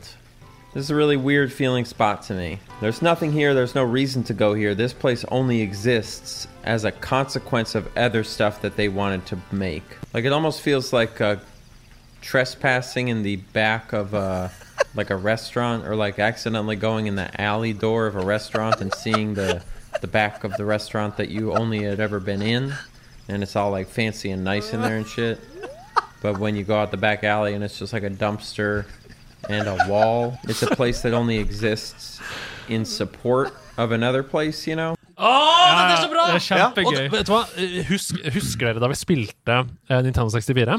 Hvor mange av disse stedene vi oppdaga fordi vi elska spillene, så vi bare utforska, utforska, utforska liksom. i Super Mario 64? Hvor mange er det, liksom? Masse! Altså- Altså, Til og med startingområdet har han laget en video om. Altså Mm. fordi det er no Du går alltid bare rett inn i slottet. Men nei! Bare gå inn i Gå alle krikene! det. Ja, ja, ja. Åh, jeg blir så glad. Ja, det er Jeg blir så glad! Ja, Dette er veldig perfekt. Nydelig. Ja. Ja. Nei, Og, eh, hva var det det het igjen?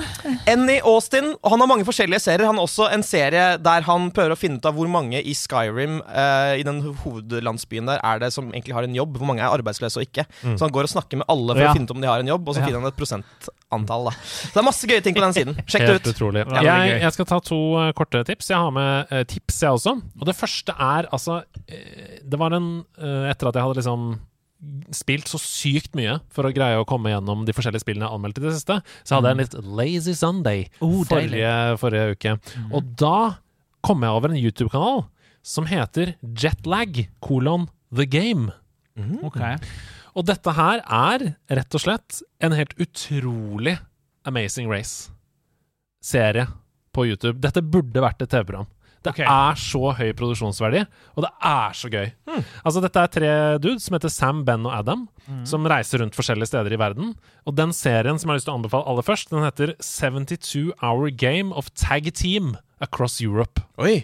Det er gøy. Og så har de lagd helt sjuke spilleregler. De har lagd en hel dekk med kort, som er sånn bonuskort du må, du må trekke for å vinne coins, for å kunne ta tog, fly osv. Ikke sant?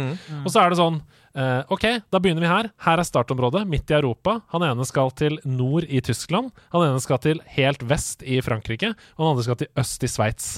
Og så er det sånn Vi har 72 timer på å komme oss uh, det stedet vi skal. Du, nå er du it, på en måte. Du, er, du er runner, og vi skal jage deg. Vi har da eh, 20 minutter hvor vi må stå stille og kan ikke gjøre noe. Du har 20 minutter på å komme deg av gårde. Ja. Og så ser vi din location på GPS hele tiden, men du ser ikke oss. Og så må du liksom finne tog, ta forskjellige transportmidler, gjøre challenges for å få coins osv., og, så videre, og komme deg mot ditt sted. Da. Shit. Og det er så nervepirrende, og det er så gøy. Det er som Top Gear challenges på yeah, speed, liksom. Yeah, yeah. Uh, og produksjonsverdien er skyhøy. Ja. Altså Du kutter hele tiden til sånn hvor du ser de er i forhold til hverandre. Eh, det spillet ser bare dritgøy ut. De har masse andre serier også som er sånn vi øh, gjorde New Zealand om til et board game. Her er alle stoppene. Vi begynner i nord og begynner i sør. Ja, det er jo kjempegøy. Alt er gøy. Ja. Kjempebra klippa. Utrolig god humor. Ja, de er morsomme. De Ja. har god semi. Ok. Og de er fine, søte, sjarmerende, eh, flinke med lokalbefolkningen. De møter masse fans underveis som er sånn Are you Adam from 72 Hour Jetlag? Og så var det Ja. sånn, ja, bli med og ta challengen! Det er skikkelig koselig og gøy. Å, så gøy. Og ja, veldig gøy. Så eh, jetlag, kolon, the game. Det er som å spille spill på YouTube. Altså, du ser på spill, liksom. Ja, ja. I virkeligheten. Det er veldig gøy. Det er sånn Mr. Beast burde vært. Ja! Det er sånn Mr. Bean burde være. Det er så sterkt at jeg må stoppe opp med det. Og så har jeg bare lyst til å slenge med også at Vettskremt, som er en ny serie på NRK, Ja. er dritbra. Det er kjempegøy. Jeg var veldig skeptisk til denne serien. For jeg tenkte sånn, hvor, Dette er gøy på YouTube, men er det gøy over en hel sesong? liksom? Det handler om at kjendiser blir sendt inn i et hus hvor de skal skremmes. liksom, Og om å gjøre å ha lavest puls. Eh, det er dritgøy. Ja. Camilla binga hele serien. Absolutt. Jeg og Aurora også. Det er kjempegøy. Kunne jeg vært med som har en høy gjennomsnitts hvilepuls? Ja, for det, Ja. Er, det, er, eh, det er individuelt. Ja, okay. Ut fra din egen puls. eh, Fordi puls er individuelt, sier vi i første program. Kjempegøy. Og det er ingenting som er gøyere enn å se kjendiser gråte av skrekk. Liksom, Nei. Og hoppe. Og det er så, de er så flinke på å lage skremminger også. Martha Mm. Leivestad på et tidspunkt går i attack mode. Ja. Oi. Altså Du ser at hun tar armene foran seg, klar til å slåss, Ja. liksom. Ja. Det er bare sånn urinstinkt. Oh, Ja, deilig. ja, Ja, ja. hun er veldig god. Passer perfekt i Mm. oktober. Shocktober. Shocktober. Og så slenger vi Ikke lov å le på hytta, som du har vært produsent for. Ja, riktig. Takk, absolutt. Alle sammen kan gå inn på VGTV og se den nye sesongen av Ikke lov å le på hytta, som jeg har vært produsent for. Og regi. Eh, ja. Ja. ja. Hvis, eh, jo da. Jo da det, det. Ja da, ja da, det er jo det. det, er jo det. Eh, tusen takk, Andreas. Der kan dere gå og se. Eh, Kos dere med det.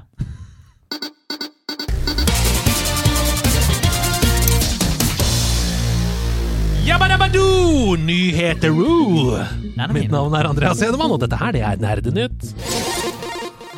Vi er tre programledere, så da diskuterer vi alle sakene. Og vi begynner innenriks. Eh, Det ramla inn en melding i innboksen for et par uker siden. Hei til deg som sendte denne meldingen. Du skulle egentlig være med for et par uker siden, men det var så mange mange andre nyheter, så nå tar vi det. Hei, nederlandslaget! Mitt navn er Marit Sofie Strand, og dette året skal jeg gjøre et forskningsprosjekt i forbindelse med min masteroppgave om kvinner som gamer. I den forbindelse skal jeg samle inn spilldagbøker fra 15 til 20 damer i alderen til 25 til 35 år, som dokumenterer sin spillhverdag over tre uker. Og her er målet å finne ut hvordan damer bruker gaming i hverdagen, og hva det betyr for oss. Det er ikke noe krav om at du gamer mye, men det bør være en del av hverdagen din til en viss grad. Hvordan bruker vi det? Hvorfor bruker vi det? Påvirker det oss mentalt? Videre. Det er helt anonymt å være med. Det er kun eh, Marit og hennes veileder som ser personopplysningene. Helt ufarlig. Du deler kun det du er komfortabel med å dele. Ta gjerne kontakt hvis du har lyst til å være med. Da sender du mail til maritsofie.strand at gmail.com. Maritsofie.strand at gmail.com. Veldig bra. Vil du si det en gang til, du òg? Marit og Simen.com. maritsofie.strand at gmail.com. Du kan også gå inn på discorden vår og lese mer om dette. Det ligger under Happenings-kanalen der inne. Er ikke dette gøy, da? At vi kan hjelpe til med det? Det er kjempegøy. Jeg synes alle, alle burde gjøre det. Alle som kan og har mulighet. Kjør på. I hvert fall alle damer mellom 25 og 35. Absolutt. Eh, som er det de er ute etter. Nei, jeg synes er velsmurt maskineri der. Takk. Er det noen spillere på laget da, som sitter der ute, som kunne tenke seg å spille Daisy live? Seriøst? Ja! Daisy Live. Ja, Ja? nå har du muligheten lørdag 14. oktober på Vega scene. Oi! Ja, ja, ja, helt riktig. Uh, Mirage filmfestival uh, viser den franske dokumentaren Nitz Island.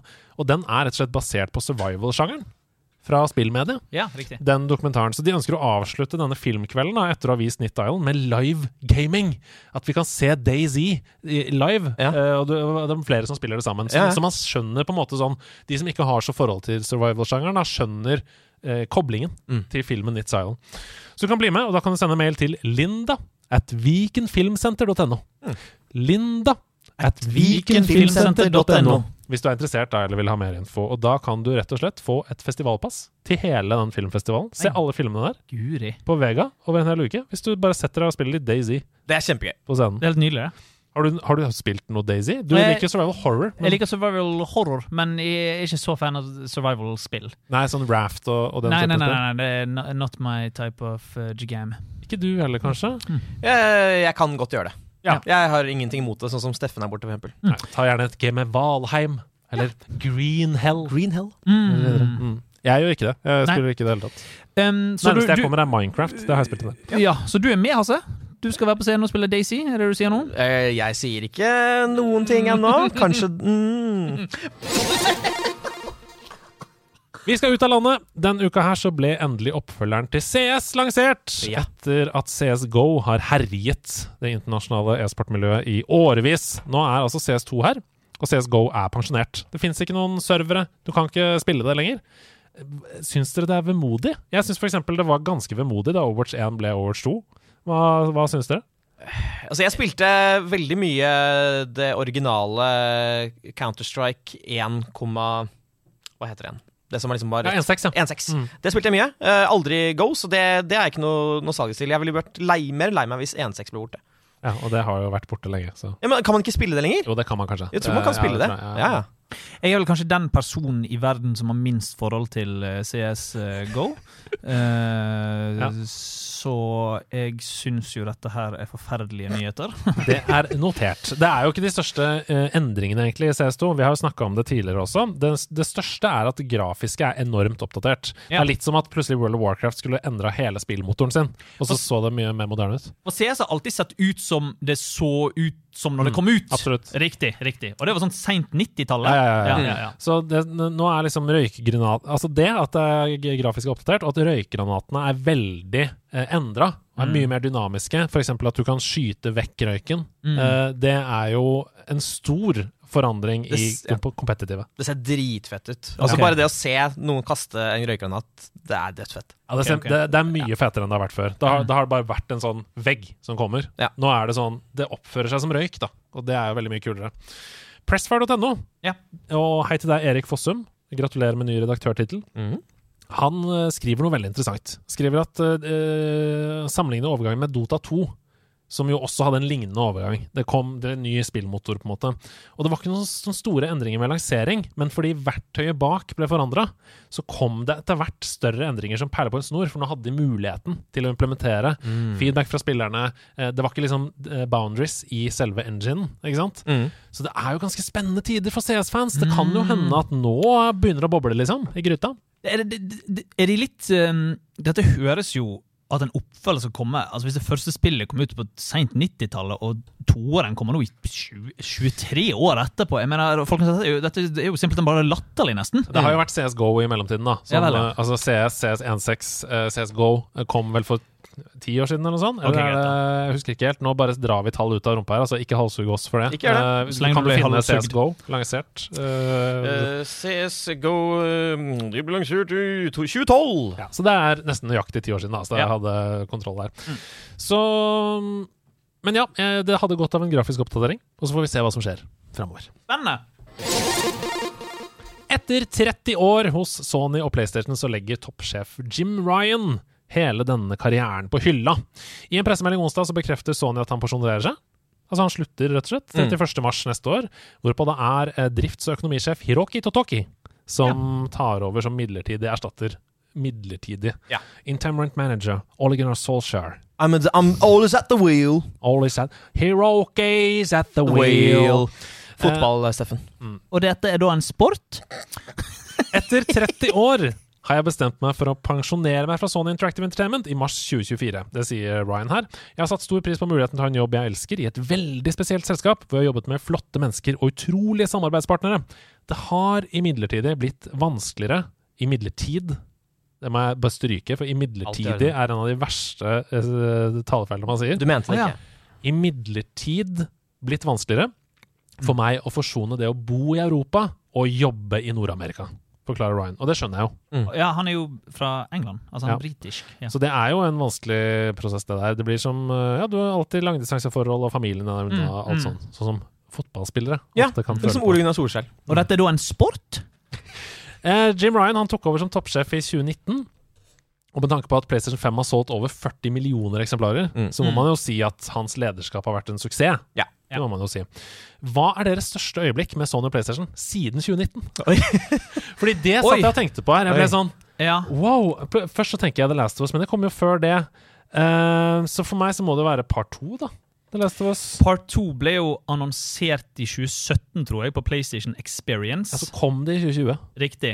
Jeg, jeg, jeg har eh, ikke Nå vet jeg at du spurte hva er det beste øyeblikk med PlayStation, men jeg, jeg tenkte på dette at eh, Jim Ryan for meg når man har sett disse State of Playene og showcasene til, Play, til PlayStation som har vært de siste årene, og Jim Ryan er hovedpersonen der, det ser litt dølt ut. Ja, det gjør det, altså. Denne gamle gubben i denne dressen her. Er Det, det føles veldig sånn klinisk. Det føles ikke eh, Sean Layden, som var liksom frontperson før han, som gikk på scenen og annonserte Crash Bandicoot og Mm. alle PlayStation 1-remakesene, Medieval og sånn. Han var, følte som han var på vårt lag, litt som Phil Spencer er for Xbox. Mm. Mm. Og eh, Jim Ryan har ikke den feelingen. Han har ikke den viben. Han har ikke den karismaen. Han har ikke den karismaen som Sean Layden hadde, syns jeg, da. Eh, så eh, Men sikkert nydelig fyr. I wish him the best. I love you, Jim Ryan. Har du noe du har tenkt ut? Uh, spill. Ja, eller bare øyeblikk, liksom, siden 2019? Uh, The Ghost of Tsus- Tsushima. Åh. Uh, Ja, det, vet du hva? Ah, det angrer jeg på at jeg aldri kom ordentlig inn i, altså. Ja, Sa brura. Spilte to Eh, ja, ja, ja. Nei, det er, det er Last of Us Part 2, God of War Ragnarok, Ja, ja, ja. eh, Returnal for meg. Absolutt. Eh, Mm, mm, mm, mm. 100% Ja. Og så andre jeg, jeg gleder meg også til å se hva som skjer nå med oppfølgeren av Astros Playroom. For det skulle jo egentlig bare være en tech-demo på Ja. PS5, Ja. men det var dritbra. Jeg elska det spillet. Platta det. Absolutt. Ja, de burde utvida det til å være et 20-timers spill. Ja. Det skal de jo. Mm. Det, han, han, eh, Astro er jo nå en slags Maskott. PlayStation-maskot. Absolutt. Som de nå kommer med et nytt spill Ja. eh, til PS5. Så det gleder jeg meg veldig til. Ja, jeg òg gleder meg til det. Det er knallharde tider i verdensøkonomien om dagen. Spillbransjen slipper ikke unna det. Epic Games sier nå opp 16% av sine ansatte, eller da 830 mennesker. Oh, det meldte selskapet i en pressemelding torsdag ettermiddag, og dette er også gjengitt av gamer.no, som mm. skriver her et sitat fra Epic Games-sjef eh, Tim Sweeney, og han sier at kuttene er helt nødvendige. Vi har brukt mye mer penger enn vi tjener en stund nå, ved å investere i den neste utviklingen av Epic i å bygge opp Fortnite som et metaverse-inspirert økosystem for skapere. Og det har jo du snakka om før, at det er en stor revolusjon at Fortnite At man nå kan lage egne spill i Fortnite-enginen. Mm. jeg var lenge optimistisk til at vi skulle komme oss gjennom den overgangen uten oppsigelser, men jeg ser nå at det var urealistisk, sier da sjefen i Epic. Eh, og buhu, sjefen i Epic. Altså, men det, hver gang sånne ting skjer, så blir det sånn derre divide der ikke Altså, jeg kan ikke man kan liksom Det er vanskelig å forstå dette med penger når det er så mye penger. Og altså så er det så vanskelig å forstå når man sier sånn Nei, men vi, vi tjener ikke nok. Og Oppi altså, hodet mitt så har jo Fortnite uh, de meste pengene i verden. ja! Oppi hodet mitt. Ja, i, i mitt også. Ja, så bra, da. Og jeg bare tenker, altså, jeg, så jeg lurer liksom på altså, Når de sier at de taper penger, er det at de faktisk går At det er røde tall? Eller er det at de ikke tjener nok? Det er ikke et høyt nok overskudd? Fordi alle disse selskapene lever jo for å alltid Tjene mer, tjene mer. Mm, Mm. det holder ikke på en måte å bare ha et jevnt overskudd. Du må alltid øke det. Altså, da lyver han jo i så fall, da, for han sier vi har brukt mye mer penger enn vi tjener. Ja. Sånn at inntektene er lavere enn utgiftene hver måned. da Ja, ja. på en måte. Ja. Um, alle som mister jobben, de får seks måneder med etterlønn. Det er veldig bra. Det er ikke gitt i Mm. USA i det hele tatt. Det- Uh. De får også seks måneder med helseforsikring, uh, som også er bra. Som er helt absurd for oss, siden vi har det inkludert i vår skatt. Mm. Uh, men det, alle som har vært ansatt i Nord-Amerika, får det, da. Vi generelt står jo nå i en større omveltning for hele innholdsbransjen. Avhengig av kunstform, med kunstig intelligens sin inn, eh, inntog osv. Det Mm. føles som vi er på randen av en sånn ny Napster- eller Netflix-revolusjon, på en måte. Hva tenker dere om deres jobber framover, sånn generelt? Mm.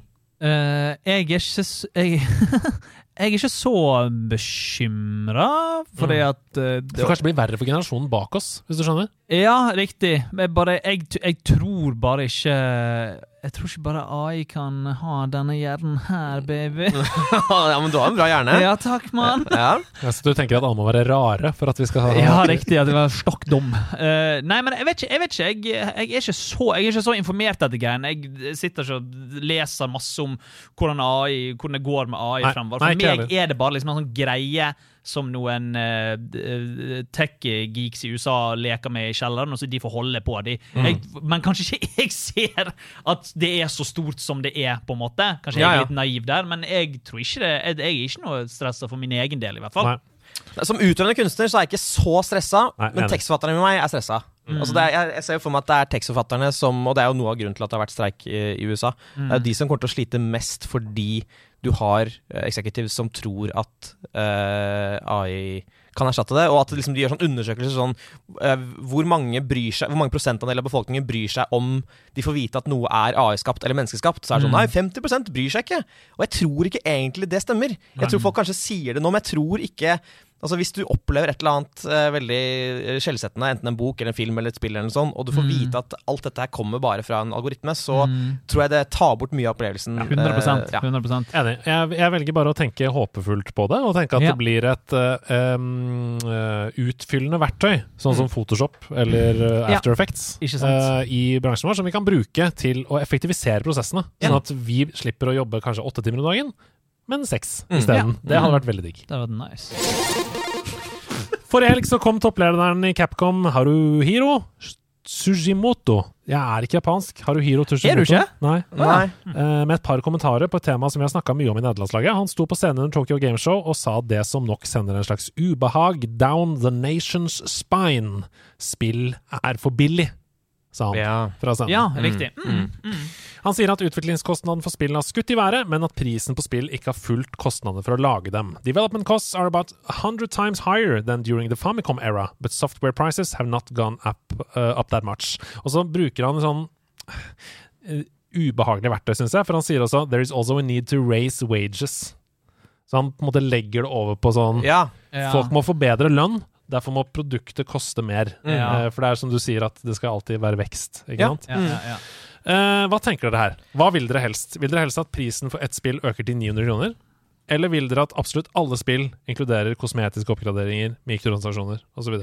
Uh, jeg vil at uh, spill øker med 900 kroner. Ikke med, men til Oh, jeg, ja, nei, selvfølgelig, selvfølgelig, ja, selvfølgelig Så det til. koster 1800 kroner for et spill. Jeg vil gjerne betale uh, 1800 kroner for et spill, uh, er du snill. Ja. Nei, men ja, at, uh, ja riktig. At eh, jeg, jeg har ikke lyst på eh, kosmetiske ting og microtransactions. eh, men jeg hører at spill har de tingene, så holder jeg meg langt unna. Mm. Eh, det er ikke spill for meg. Nei. Eh, så ja, jeg, spill kan gjerne bli dyrere, for min del. Ja, altså For min del også personlig. Eh, Men vi har det jo bra. Ja, vi har det jo bra. Altså, Ja. tenker jeg sånn, altså, ja, Hvis du uh, bor i Calcutta, du har uh, skrapet sammen nok penger til å kjøpe en konsoll, og så Mm. eh, er det veldig begrensa om du kan kjøpe et nytt spill neste år, Ja. og så kan du heller da spille et spill fordi det har mikrotransaksjoner. Eh, altså, ja. Ja. Eh, Ja, ja, for jeg er bekymra for det samme som Redd Barna er ute og snakker om, at gaming er på vei til å bli øh, Hva heter det? Segregerende, holdt på å si. At det, Ja. at det er uh, for de rikeste, Mm. liksom. Uh, og at de får en, um, en del forespørsler. Bjørn David Bansel i Redd Barna snakket litt om dette i forrige episode av Nederlandslaget. De får en forespørsel fra lavinntektsfamilier som sier at vi har ikke mulighet til å game, og, og barnet mitt faller utafor. mm. i skolegården, for Ja. Så dette er vanskelig. Det er vanskelig, Um, og uh, altså Det er jo noe jeg syns Fortnite på en eller annen måte har fått til ganske Mhm. bra, ved at Mhm. selve spillet funker helt utmerket uten å bruke en krone på det. Mm. Og det, altså, det negative er at det, det blir da press uh, i skolegården på at du må kjøpe den nye skin og sånn. Greit, men alle, kan, spille, alle kan spille spillet Mm. uh, uten at det har noe å si at du bruker penger på det. Enig. Vi må, Men- dit, vi må dit at mikrotransaksjoner er sånn, og ikke pay to win, sånn som Mm. jeg opplever dessverre at det er i Overwatch 2 nå. Fordi Ilari, den nye heroen, Mm. er den beste healeren i spillet, Mm. by far. Og hun ligger bak paywall. Ja. Så du må kjøpe Battle Passet for å få henne.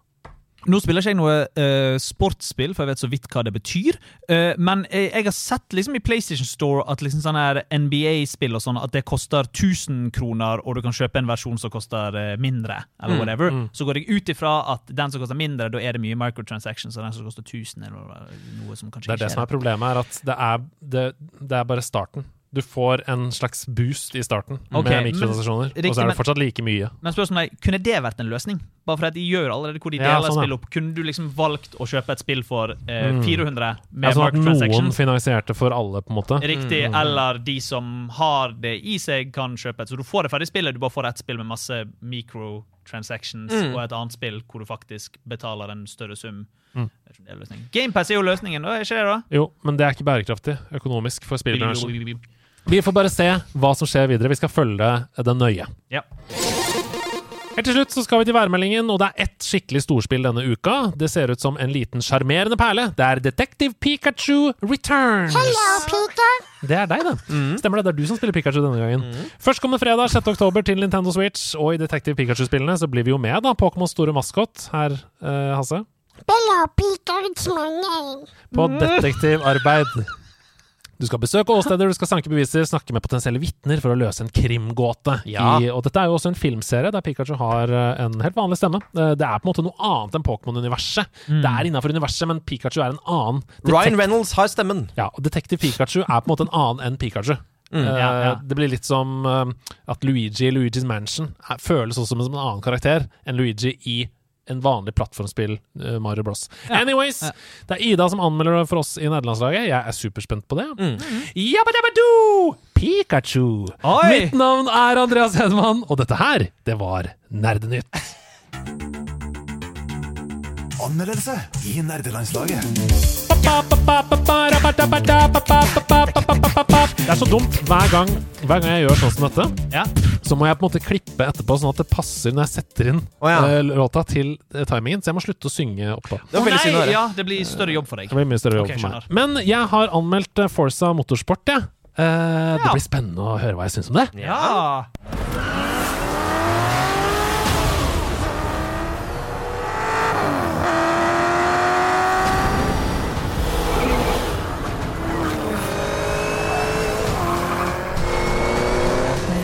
Was your best lap yet.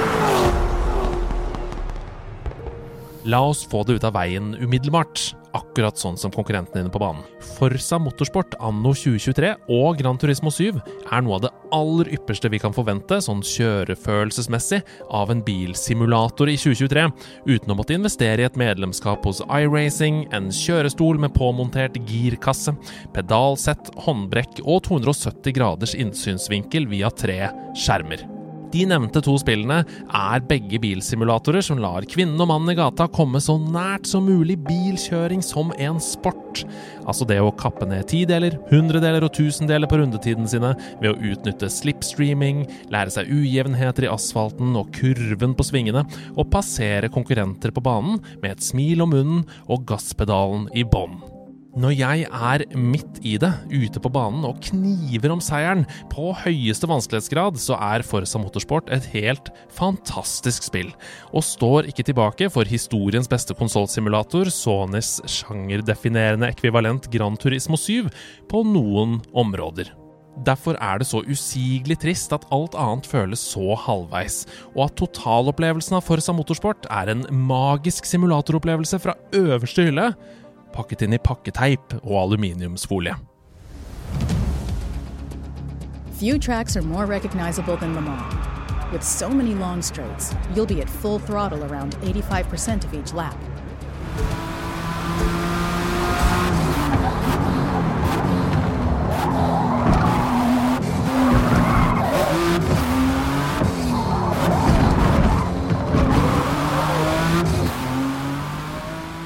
Forsa Motorsport starter som de fleste andre bilsimulatorer med en god og engasjerende inngang, men akkurat det som er unikt her, det er et imponerende presist og detaljert oppsett som lar deg finne ut av hvor akkurat du ligger hva gjelder vanskelighetsgrad. Hvis du har kjørt noen bilsimulatorer før, så bør du sette den høyt. For poenget med spill som dette, det er å knive om seieren, ikke å passere alle andre på runde én, kjøre fem runder alene og vinne med ett minutt.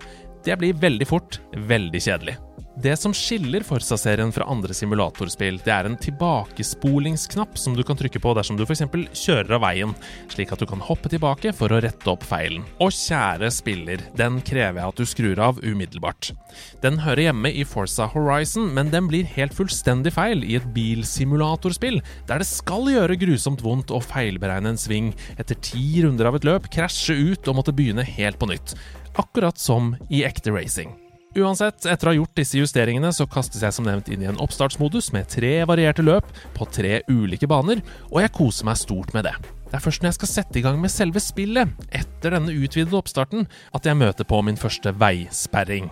For etter et godt førsteinntrykk så blir jeg raskt dratt ned på jorda av det som møter meg når jeg skal utforske hva Forsa Motorsport faktisk har å by på av innhold. Det er nemlig ikke mye. Jeg teller fire moduser karriere, eh, flerspiller, lokal flerspiller og time trial. Karrieremodusen den består av fem forskjellige tours, der hver har fire cuper, som hver består av fire til seks løp. Det er altså 20 cuper fordelt utover 20 ulike baner totalt. Det er verken gateløp, rally på snø og grus eller drifting her. Null. Nada. Kun baneracing. Til sammenligning så har Gran Turismo 7 over 20 moduser, 37 ulike baner, en enorm variasjon i type løp og en karrieremodus som drar deg via alle verdens hjørner.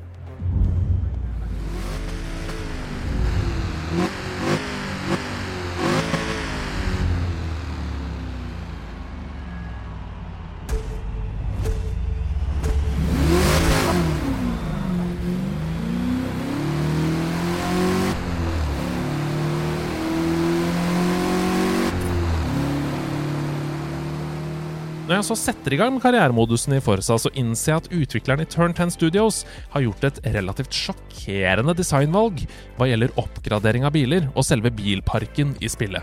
For selv om utviklerne skryter av at det er 500 biler i Forsa Motorsport right off the bat, så virker det for meg som de ikke ønsker at folk skal ta i bruk alle sammen. Og grunnen til det, det er den nye måten de har løst trimming og oppgraderingssystemet, som er en stor og viktig del av simulatorspill. I de fleste spill i denne sjangeren så kan du nemlig kjøpe deg deler som du trenger til din bil, for penger som du vinner underveis. Med andre ord, hvis du har en favorittbil du mestrer og som du liker å kjøre med, så kan du grinde forskjellige løp med denne for å bygge deg opp penger til å oppgradere andre biler i bilparken din, sånn at de også blir morsommere å kjøre med. Men i Forsa Motorsport så er ikke dette mulig. Hver og en bil har individuelle deler som er låst bak innholdsmurer.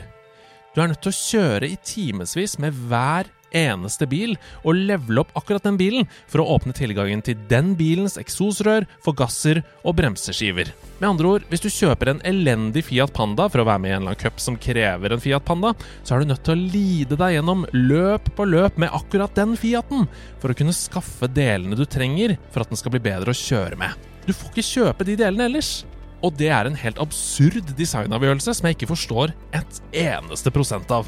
Når jeg tjener penger i et simulatorbilspill, så ønsker jeg jo selvfølgelig å kunne gå inn i et digitalt verksted og kjøpe deler til andre biler enn nøyaktig den jeg har tjent pengene med. Det er jo mine penger! Men det kan jeg ikke i Forsa Motorsport. Og for det trekker jeg ene og alene ti poeng på sluttkarakteren.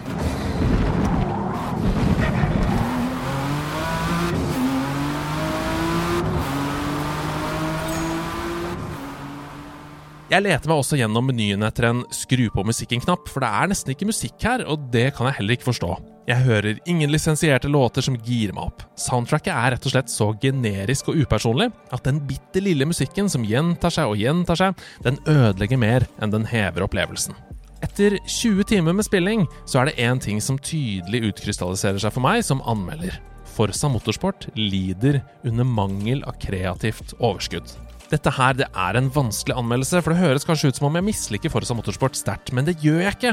Det er utrolig gøy og bra med store bokstaver å kjøre det innholdet som faktisk er i Forza Motorsport. Og selve bilkjøringen og omgivelsene de ser så lekre ut at jeg sitter med munnen halvveis åpen når jeg spiller. Det er ikke her problemet ligger. Problemet er, i tillegg til noen merkelige designavgjørelser, hvor sjelløst og billig Forza Motorsport oppleves utover selve kjøringen på banen. Hvor er historiefortellingen? Forza Motorsport klarer aldri på noe tidspunkt å få meg til å føle at det jeg gjør, betyr noe. Spillet er en opplevelse som er laserfokusert rundt individuelle racingopplevelser, og kun det. I karrieremodusen så bygger jeg egentlig ikke en karriere. Jeg racer gjennom et relativt tynt utvalg av baner med ulike regelsett, og selv om jeg vinner én spesifikk turnering, så har ikke det noen ting å si for noen av de andre turneringene. Jeg er ingen racersjåfør. Dette her, det er ikke en karriere. Det er et dataspill. Hvor er følelsene, Forsa? Turn 10 Studios forsøker aldri å sette Forsa Motorsport f.eks. i historisk kontekst, eller å gi meg gåsehud. Jeg opplever rett og slett at selve kjøringen i Forsa Motorsport er lagd av noen som er skikkelig glade i bilsimulatorspill og skikkelig flinke på det, men at alt annet rundt er håndtert av noen som ikke er så veldig gode på det de gjør. Hvorfor kan man ødelegge egen spillopplevelse med mikrotransaksjoner? At man kan bruke 300 kroner i Forza Motorsport på å kjøpe seg en haug med biler med en gang, og et VIP-medlemskap som dobler premiepengene dine for resten av spillet, det er en sjokkerende designavgjørelse fordi det ødelegger spillet. Jeg har dessverre blitt tildelt premiumutgaven av spillet som anmeldereksemplar. Det koster 1100 kroner, og der er disse mikrotransaksjonene inkludert fra starten av. Det betyr at jeg fra første minutt av spillingen hadde råd til den aller dyreste bilen i spillet, at jeg alltid tjente enorme summer penger for hvert løp, og at jeg umiddelbart hadde tilgang på alle bilene jeg trengte for å kjøre de første fire turneringene i karrieremodus. Med andre ord, jeg hadde ingenting å spille for, annet enn seier i løpene. Progresjonen og balansen i spillet var ødelagt for meg, fordi jeg alltid tjente dobbel premiepengesum. Og til slutt, hvorfor ser alle menyer og fonter så utrolig middelmådige ut? Jeg klarer ikke å si dette på en måte som ikke høres nedlatende og snobbete ut, men jeg må si det likevel. De grafiske elementene i Forza Motorsport ser billige ut. Hovedmenyene de ser ut som tabeller i Powerpoint, der fonten som brukes ser skremmende ut som gratisfonten Bebas Noie. Alltid i capslock og med skyggelegging på bokstavene, som om jeg navigerer meg gjennom en ungdomsskolepresentasjon. Nå høres det kanskje ut som om jeg henger meg opp i detaljer, men akkurat dette er dessverre en så grell kontrast til det unikt gjennomarbeidede pikselpresise arbeidet som Polyphony Digital har gjort med Gran Turismo 7, at det ødelegger en god del for meg. Eh, hvorfor det? tenker du kanskje. Fordi bilkjøring og motorsport er følelser! Og da påvirker rammeverket også totalopplevelsen. Når du skal kjøre biler som koster millioner av kroner, så må omgivelsene stå i stil. Det billige, grafiske venstrehåndsarbeidet som møter deg i Forsa Motorsport, gjør dessverre at jeg altfor ofte bryter illusjonen av å være en legendarisk racersjåfør, og i stedet sitter med følelsen av å spille et bilspill. For selv om selve kjørefølelsen i både Gran Turismo 7 og Forza Motorsport er som å fly mm, det mest luksuriøse privatfly, så frakter Gran Turismo meg til flyplassen med limousin, privatsjåfør, perfekt aircondition-temperatur og min prefererte drikkevare i hånda. Forza Motorsport derimot frakter meg med esel og kjerre, flankert av en lunken kuli. In the 1970s, when rising fuel prices prompted most manufacturers to prioritize fuel economy over performance, VW shocked the motorsports world by delivering fuel economy and total driving excitement with their first GTI. Alt i alt så er Forza Motorsport et veldig schizofrent spill for meg. Når jeg er ute på banen, så har jeg det utrolig gøy. Jeg kniver med rivaler, enten de har en velutviklet og realistisk kunstig intelligens, er ekte spillere online, eller er mine egne skygger som jeg forsøker å knuse rundetiden til. Men målt opp mot Gran Turismo 7 så blir totalopplevelsen av Forza Motorsport dessverre en blek kopi. En brøkdel av banene, frihet låst bak timevis med grinding, det sjokkerende lave antallet fire spillmoduser, og med en fattig innpakning som oser venstrehåndsarbeid. Dersom det hadde holdt å anmelde en bilsimulator i 2023 utelukkende basert på kjørefølelsen av bilen på banen i konkurranse mot andre biler, så hadde Forza Motorsport vært høyt, høyt oppe. Men når bilsimulatorverdenen kun består av noen få spillserier, og det nyeste spillet i den største konkurrerende serien har satt en skyhøy bransjestandard for totalopplevelsen av motorsport, så blir det dessverre vanskelig å gi Forsa Motorsport noe høyere enn 70 av 100 hedermenn. Forsa lager verdens beste arkadebilspill i Forsa Horizon. Der sitter de alene på tronen og skuer utover et stadig ekspanderende kongerike. Forsa Motorsport derimot er en ansatt ved hoffet som er redusert til å pusse kjøreskoene til den japanske kongen.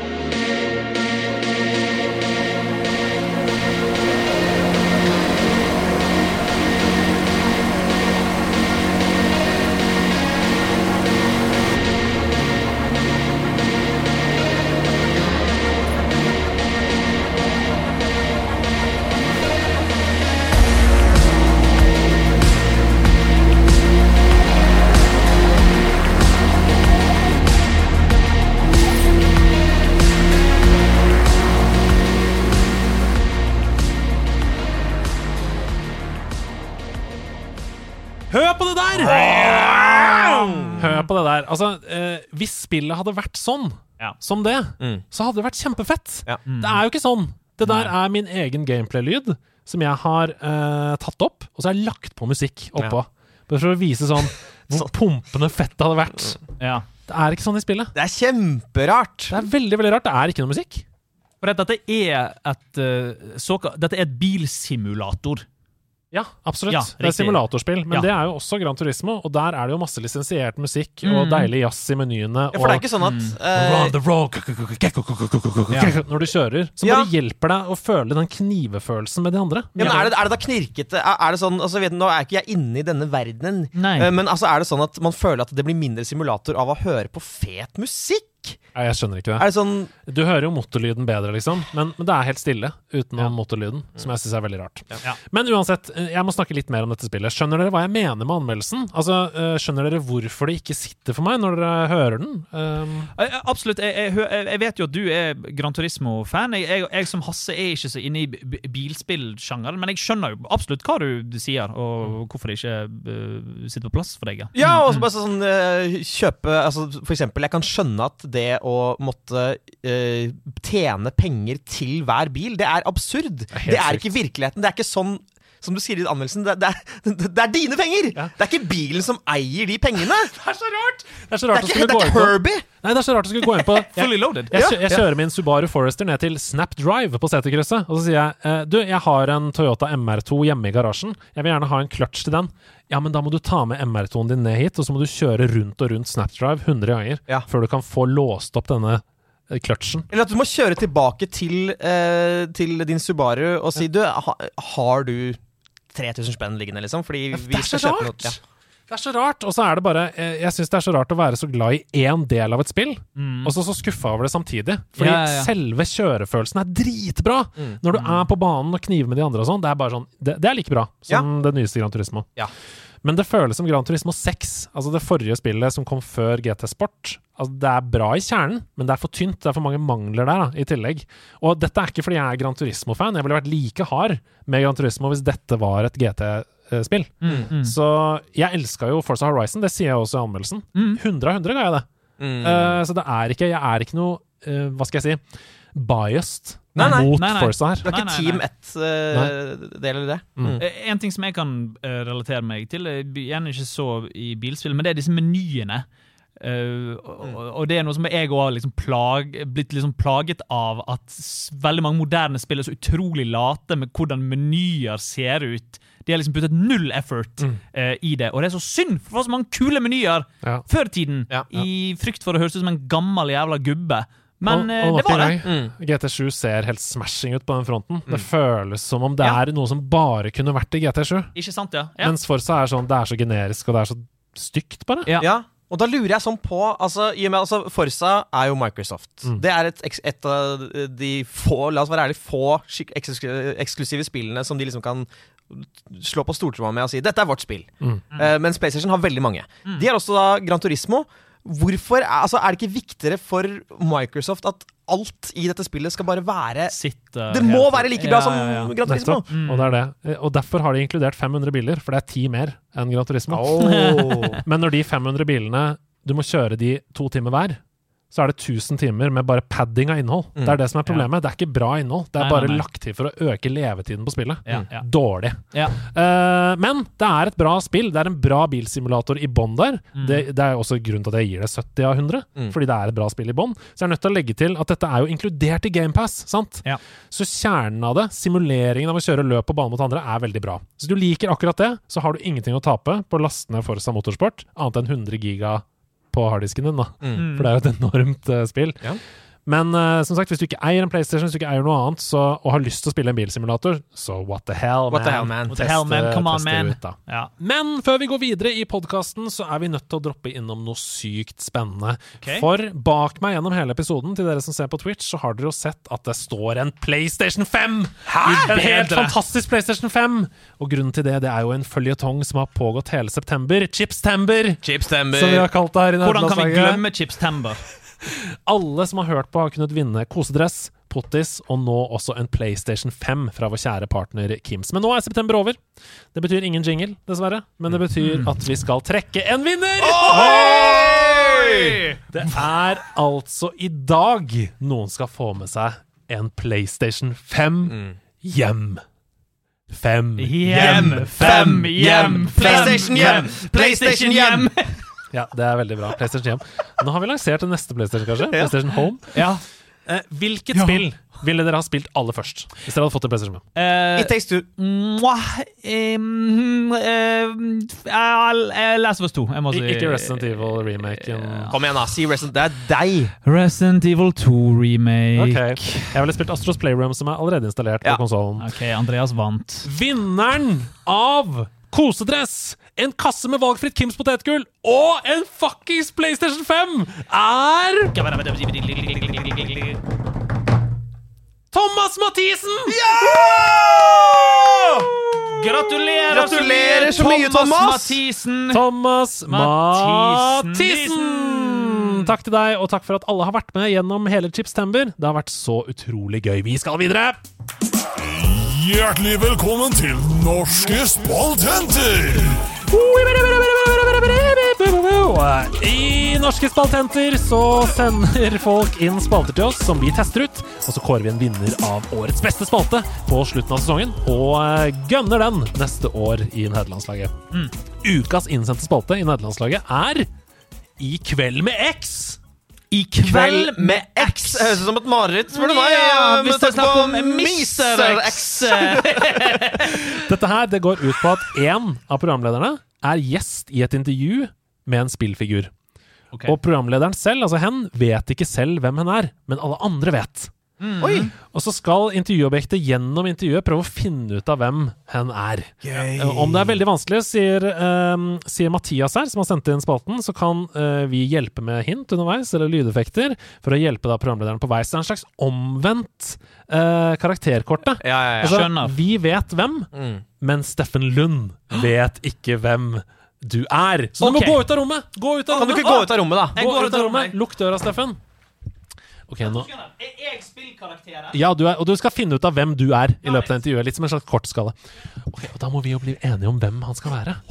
Vi vet ikke. Og jeg, jeg har noen forslag, men har du, hva tenker du, liksom? Oi! Jeg, jeg tenkte først på Ellie fra The Last of Us. Er det Ja, gøy? ja, For det, det er gøy. hun kan vi mye om begge to, Kan liksom. veldig mye om henne. Jeg tenkte også på bare hovedpersonen i Elden Ring, altså den du spiller som i Elden Ring. Det er vanskelig. Det er Fordi vanskelig. man vet jo ikke helt hvem man er. Så tenkte jeg også på hovedpersonen i Ape Escape, fordi han elsker det spillet. Jeg kan men, men jeg kan spillet. ingenting om det så spillet. det går ikke an. Det går ikke an. Um, Hva, hva, hva tenker du? Max Payne. Å, er det gøy? Fordi han er så utrolig karikert. Jeg kan ganske lite, men du kan mer. Så tror, altså, jeg, jeg tror liksom eh, Sønnen og kona hans døde. Ja. Det er mafia. Ja. Han skal eh, hevne seg. Han kan hoppe i bullet time. det er hyggelig at du er her. Du har jo nettopp vært gjennom en tragedie. Ja, ja, det er gøy, ja. Da kan du komme inn, Steffen! Dette er gøy. Velkommen til dette intervjuet. Vi er her i I kveld med X! Hei, tusen takk for at uh, dere kunne ha meg. Og jeg kommer jo nettopp eh, fra min uh, som dere vet, dere kjenner meg veldig godt. Ja. Og jeg kommer nå nettopp fra min lovlige, min meget lovlige jobb. Ja Ja, du, gjør, du, du føler at den, den er lovlig?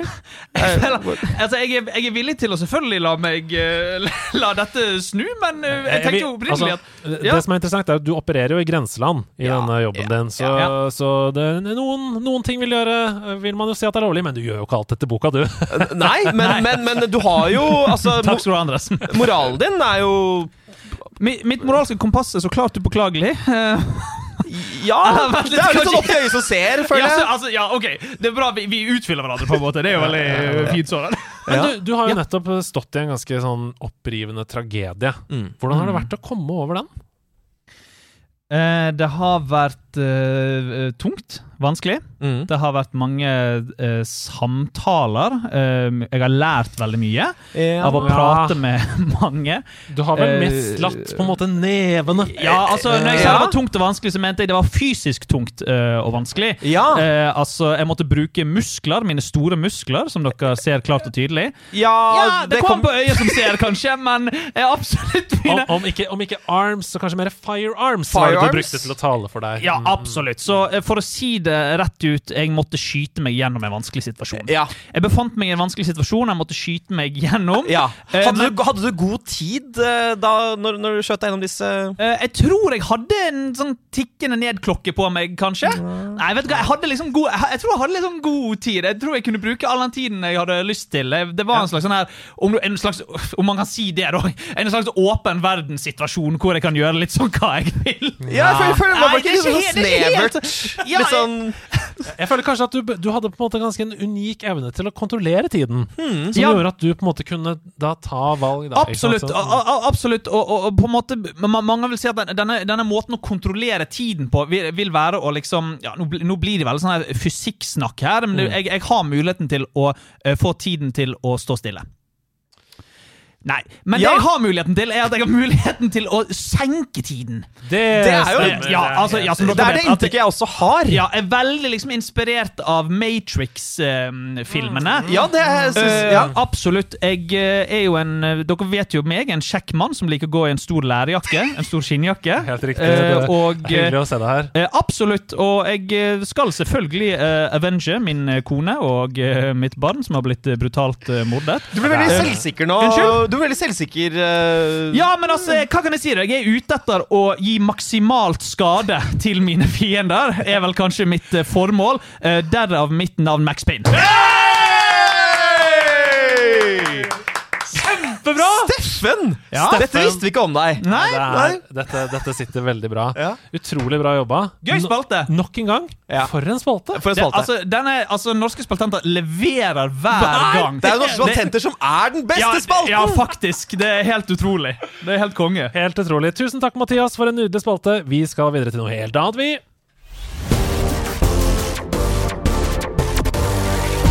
De fire store. Ja, det er Steffen Lund som eh, har tatt med seg de fire store tingene som han har lyst til å fortelle oss. Det kan jo være hva som helst. Det kan jo være fire store syltetøy du bør spise i oktober. Ja. Men jeg tror ikke det er det. Nei, det er nok noe annet. Det er nok noe mer spillorientert. Som vanlig. Hva er det det skal handle om, Steffen? Som vanlig, som vanlig er det spillorientert, og det det skal handle om uh, denne gangen, er uh, mine fire uh, store drømmespill. Oi! som ikke fins. Riktig som ikke finnes, dette er en ting jeg eh, Jeg vet ikke om dette her er unikt for meg, men dette er en ting jeg gjør eh, når jeg går og legger meg hver natt. Jeg drømmer. Ja, nei, det er jo et, det er menneskelig Det er noe mennesker har gjort. Mm, ok, greit. Det er notert. Men eh, jeg drømmer noen ganger så drømmer jeg om dataspill. Ja. Og spill jeg skulle ønske eksisterte. Eh, og her kommer mine fire store drømmespill. Og her er jeg åpen for dialog. Vi kan diskutere litt hva kunne dette vært. Okay. Ikke sant? Spennende. Ja. Nummer fire. Nummer fire er og dette kan være kommer. Det kan være at han har dette er det han eh, hemmelig jobber sammen med Microsoft. Det får jeg bare håpe. Men det er et Hideo Kojima-skrekkspill. Åh, Ja, ja da. ja da. Vi så selvfølgelig tegn til dette her i PT, et av de absolutt skumleste og mest innovative skrekkspillopplevelsene noensinne. Kanskje basic av meg å si, men det er det. Og det var en skam og synd at vi ikke fikk se Hideo Kojima-san eh, sitt skrekkspill. Men han har det i seg. For det er masse Ja. skrekk i Death Stranding. Ja. Det må jeg bare si. Hu- 100 Han har det i seg. Og lenge trodde man jo at Death Stranding var et skrekkspill. Det er på grensen til det. Ja. Det har Ja, eh, horrorelementer. Hvem skulle han samarbeidet med, bortsett fra Guillermo del Toro, som han lagde PT sammen med? Um, Junji Ito. Jeg ser- jeg sitter med skrekkguruen selv. Absolutt. Han burde, han burde slått seg sammen med Junji Ito. Hvis Han er jo veldig fan av vestlige Han er veldig fan av filmer, filmer fra USA. Eh, Han burde slått seg eventuelt sammen med Ari Aster. Fra Hereditary og Midsommar. Um, og det Nummer tre. Riktig. Og eh, snakk om Ari Aster. Det kan gå rett inn på uh, nummer tre. Um, dette er et konsept. Et slags idé jeg vil eh, plassere til dere. A24 Interactive. A24, eh, distribusjonsselskapet uh, som står bak en av de, uh, altså de, de beste sk moderne skrekkfilmene, om du vil. Lag en, en subkategori hvor dere begynner å produsere dataspill. Gi regissøren deres, Robert Eggers, Ari Ester, gi de bare the reins til å bare lage hva fanken dere vil. Et indiespillselskap av A24. Av Mm. A24 Mm. Hvor de gir liksom talentene sine Vær så god, lag hva du vil. Kjempeidé. Ja. Har ingenting å utfylle, for det er en så god idé. Det kan ikke bli noe annet enn Gulli Nei, det kan ikke det. Og det er riktig årstid. Så gjør det nå, da. Ja, dere har dårlig tid. Gjør det nå. Og nummer to. To. Takk, Andreas. Um, jeg vil ha et lisensiert spill basert på en film jeg er veldig glad i. Men ikke en sjanger jeg er så glad i. Filmen er Battle Royale. Jeg vil ha et single player Battle Royale-spill. Så jeg vil ha et Triple A single player-spill som tar sted i film.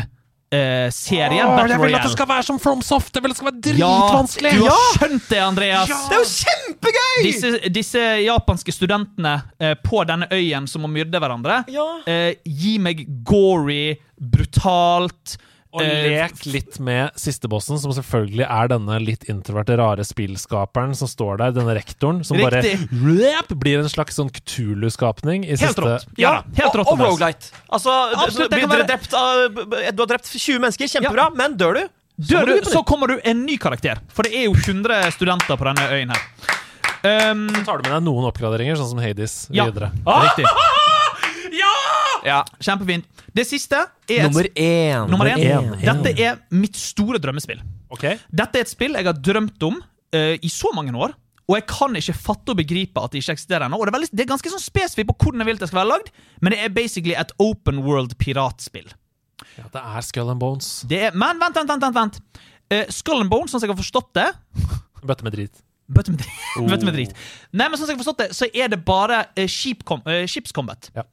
Jeg vil ha ships combat, eh, exploration. Jeg vil at du kan hoppe av, du kan hoppe på øyer, du kan utforske øyer. Der er det ting, du kan snakke med folk. Realistisk Sea of Thieves. Realistisk historie. Sea of Thieves med gameplayet til Uncharted 4, hvor du kaster den jævla grappling-hooken. Den flytende, men realistiske eh, gameplay-loopen som Uncharted 4 har, bare i et gigantisk open world piratspill. Make it happen, og ikke noe sånn Assassin's Creed-drit. Jeg vet Nei, hva nei, chatten nei, sier. Assassin's Creed Black Flag og Wow. bla, bla, bla. bla. Altså, fire helt fantastiske spill. Jeg har lyst til å spille alle sammen. Ja. Jeg òg. Ehm, Det er jo mine drømmespill, Andreas. Ja, sant det.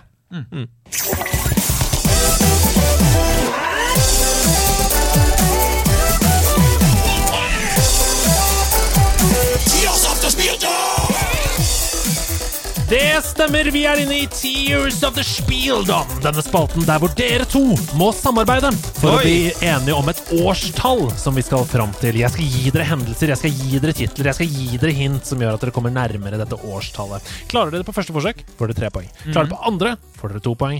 Tredje ett poeng. Men når dere har avgitt et svar, da er svaret låst. Oi. Låst, låst, låst. Dette er en spalte jeg er veldig glad i. Jeg synes den er helt eh, rå. Oi. Det betyr at dere må bli enige, da. Skal vi, er det risk reward her? Skal Ja. vi gå for de tre poengene, eller skal vi ta et hint til? For det har aldri skjedd før at noen har klart det på tre poeng. Ingen. Nei. Ingen. Okay.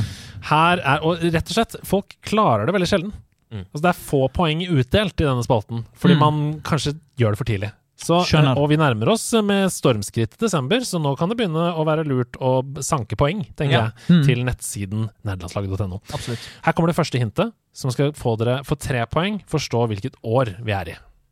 Let, let, let's call this what it is. You and the other feminazis in the gamer world are coming for our balls to snip them off, put them into a little felt purse, and take them away so we have to play your nonviolent games, right?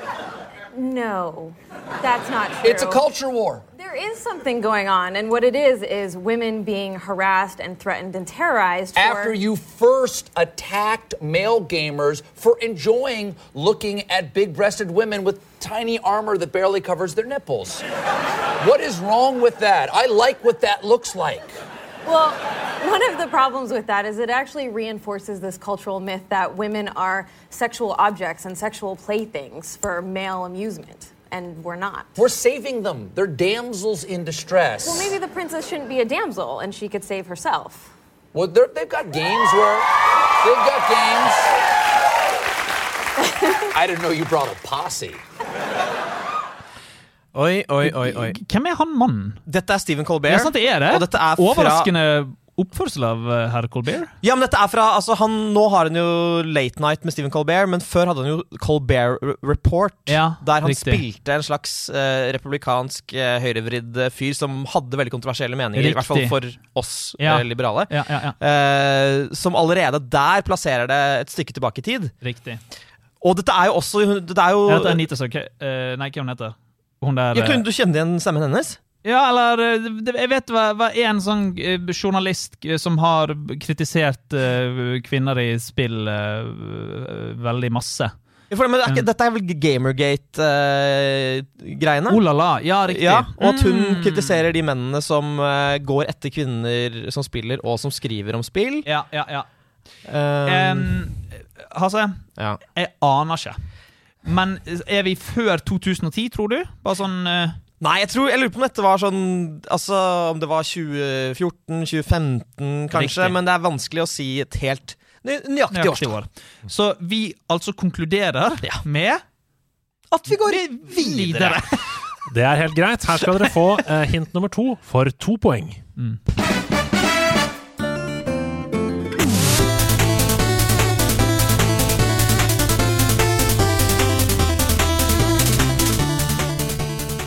Oi, gud. Oi. Så dette høres ut som tre låter, altså fra tre forskjellige spill. Her kommer det, det- første var vel Mario. Kart. Å, sorry.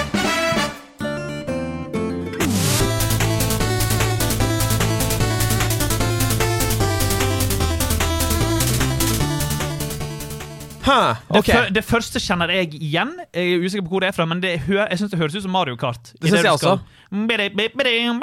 Ja, Det er jo Mario Kart. Det er Mario Kart. Spørsmålet er jo bare hvilken av Mario Kartene. Om det er åtte, for den har jo eksistert lenge. Kom til Wii U. Wii U, riktig, riktig, riktig. Eh, I 2015. Jeg tenkte 14-15, jeg også. Ja. Så det er jo eh, Og det siste spillet jeg, det, det midten klarte jeg ikke. Men eh, Nei. er det noe Hotline Miami-shit? Altså, det var så veldig retro. Det var veldig retro. Um, nei, gud, det, det, var- det var vanskelig. Det, det, Mario Kart jeg klarte å plassere der. Ja.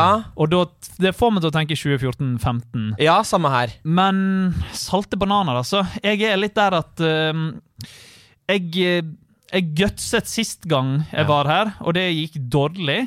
Og jeg har litt lyst på det poenget, altså, Mm. Ja. Hasse. La, ok, Vi er ganske sikre på Ja, si 2014-2015, sånn at vi får 2014, kred-poengene for riktig, det. Riktig, riktig. Og kred-poengene er viktig. Ja. Ja, Bra. Dere går for uh, hintet for ett poeng. Vi går for hintet for ett poeng, Andres. Og her kommer det.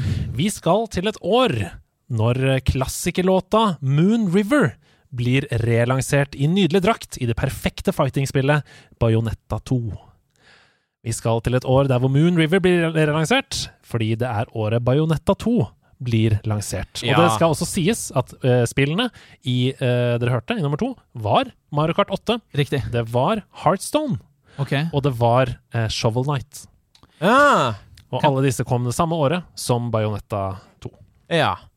Jeg er 95% sikker på at det er 2015. Hva av dette er det som eh, gjør det? Bajonetta 2. Ja. Det var, det var Bajonetta 2, Ja. eh, og, og jeg kan ikke forklare på noen annen måte enn at det er min magefølelse. Ja. Dessverre. Det, jeg beklager, Hasse. Det er det eneste jeg går på. Det er magefølelsen min, og magefølelsen min ropte til meg Året er 2015, Ja. Steffen. Jeg syns det, det, det, det høres riktig ut. Um, det var vel også det spillet som Frida anmeldte aller først da hun eh, sendte inn sin jobbsøknad til Level Up. Riktig. Og det var vel rundt 2016 hun begynte der, tror jeg. Så det, 2015, jeg er med på 2015. Skal vi si det? Ja. Skal vi si det i kor? Vi, Vi går går for for 2015. Dere har låst svaret på ett poeng. Eh, Jeg vet ikke hvorfor dere måtte låse svaret, for dere kunne sagt vi vil dessverre ikke ha noe poeng med. Så, bare, dere trenger ikke å låse svaret, for det er ikke flere hints. Nei, det er ikke det. Nei, Men, ja, ja, ja. men uh, dere har valgt 2015. Dette herrens år 2015. Dere har drevet og uh, flankert gjennom noen forskjellige årstall gjennom hele denne spalten, og dere nevnte 2015 og 2014 allerede etter tre poenghintet. Mine damer og herrer, det er 2014. Skyt meg. Jeg, jeg er så lei. Jeg er så drita lei av denne spalten.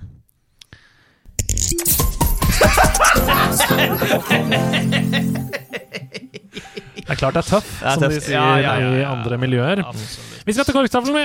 Hei, nerdelandslaget! Jeg er en ivrig lytter fra Nordstrand som har vokst opp med Nei da, det er meg, Andreas, som har sendt inn spørsmål. Hei, hei. Hei. Eh, Steffen, kan ikke du fortelle hvorfor folk skal komme på lanseringsfesten for Super Mario Bros. Wonder den 19. oktober? 19. oktober skjer det helt utrolig mange gøye ting her på House of Nerds. Det er lanseringsfest for Super Mario Wonder. Uh, og eh, siden du spør spesifikt meg, Andreas, så kan jeg røpe at det blir en Mario-quiz. Det stemmer. Det stemmer. Jeg eh, skal ha en Mario-quiz. og- mm. Robin Omdal kommer for å snakke om sitt forhold til Mario, og også sitt forhold til å være Mario i Mario-filmen. Eh, det blir quiz med Steffen, det blir giveaways, det blir gamingsjappa som har spillet til salgs. Nintendo Scandinavia kommer til å ha turneringer i Super Mario Bros. Wonder før release! Det er helt Du kan spille det her på hånd. Ja. Veldig gøy. Livemusikk med blant annet Martin Herfjord, som du hørte tidligere i Elkjøp-vignetten. Uh, veldig, veldig gøy. Fantastisk. Har du ett Mario-spørsmål uh, til oss? Ja, hva heter den grønne broren til Mario? Yoshi. Ja, Helt riktig. riktig. Du må velge kun japanske spill eller kun vestlige spill resten av livet. Hva ville du valgt? spør Sondre. Dere to. Det er jo et overraskende vanskelig spørsmål. Det Når er man først uh, tenker over det. Ja, det er det. Eh, Men jeg tror jeg ville valgt uh, japansk. Um, og det er fordi at eh, vi må ikke glemme at eh, From Software er fra Japan. Og Nintendo og eh, Nintendo. Square Enix og Square Enix. Konami og Capcom. Altså, de, de, spillene jeg føler jeg har så utrolig sånn nostalgiforhold til, som er Final Fantasy, Kingdom Hearts, eh, de tingene der, det er jo fra Japan.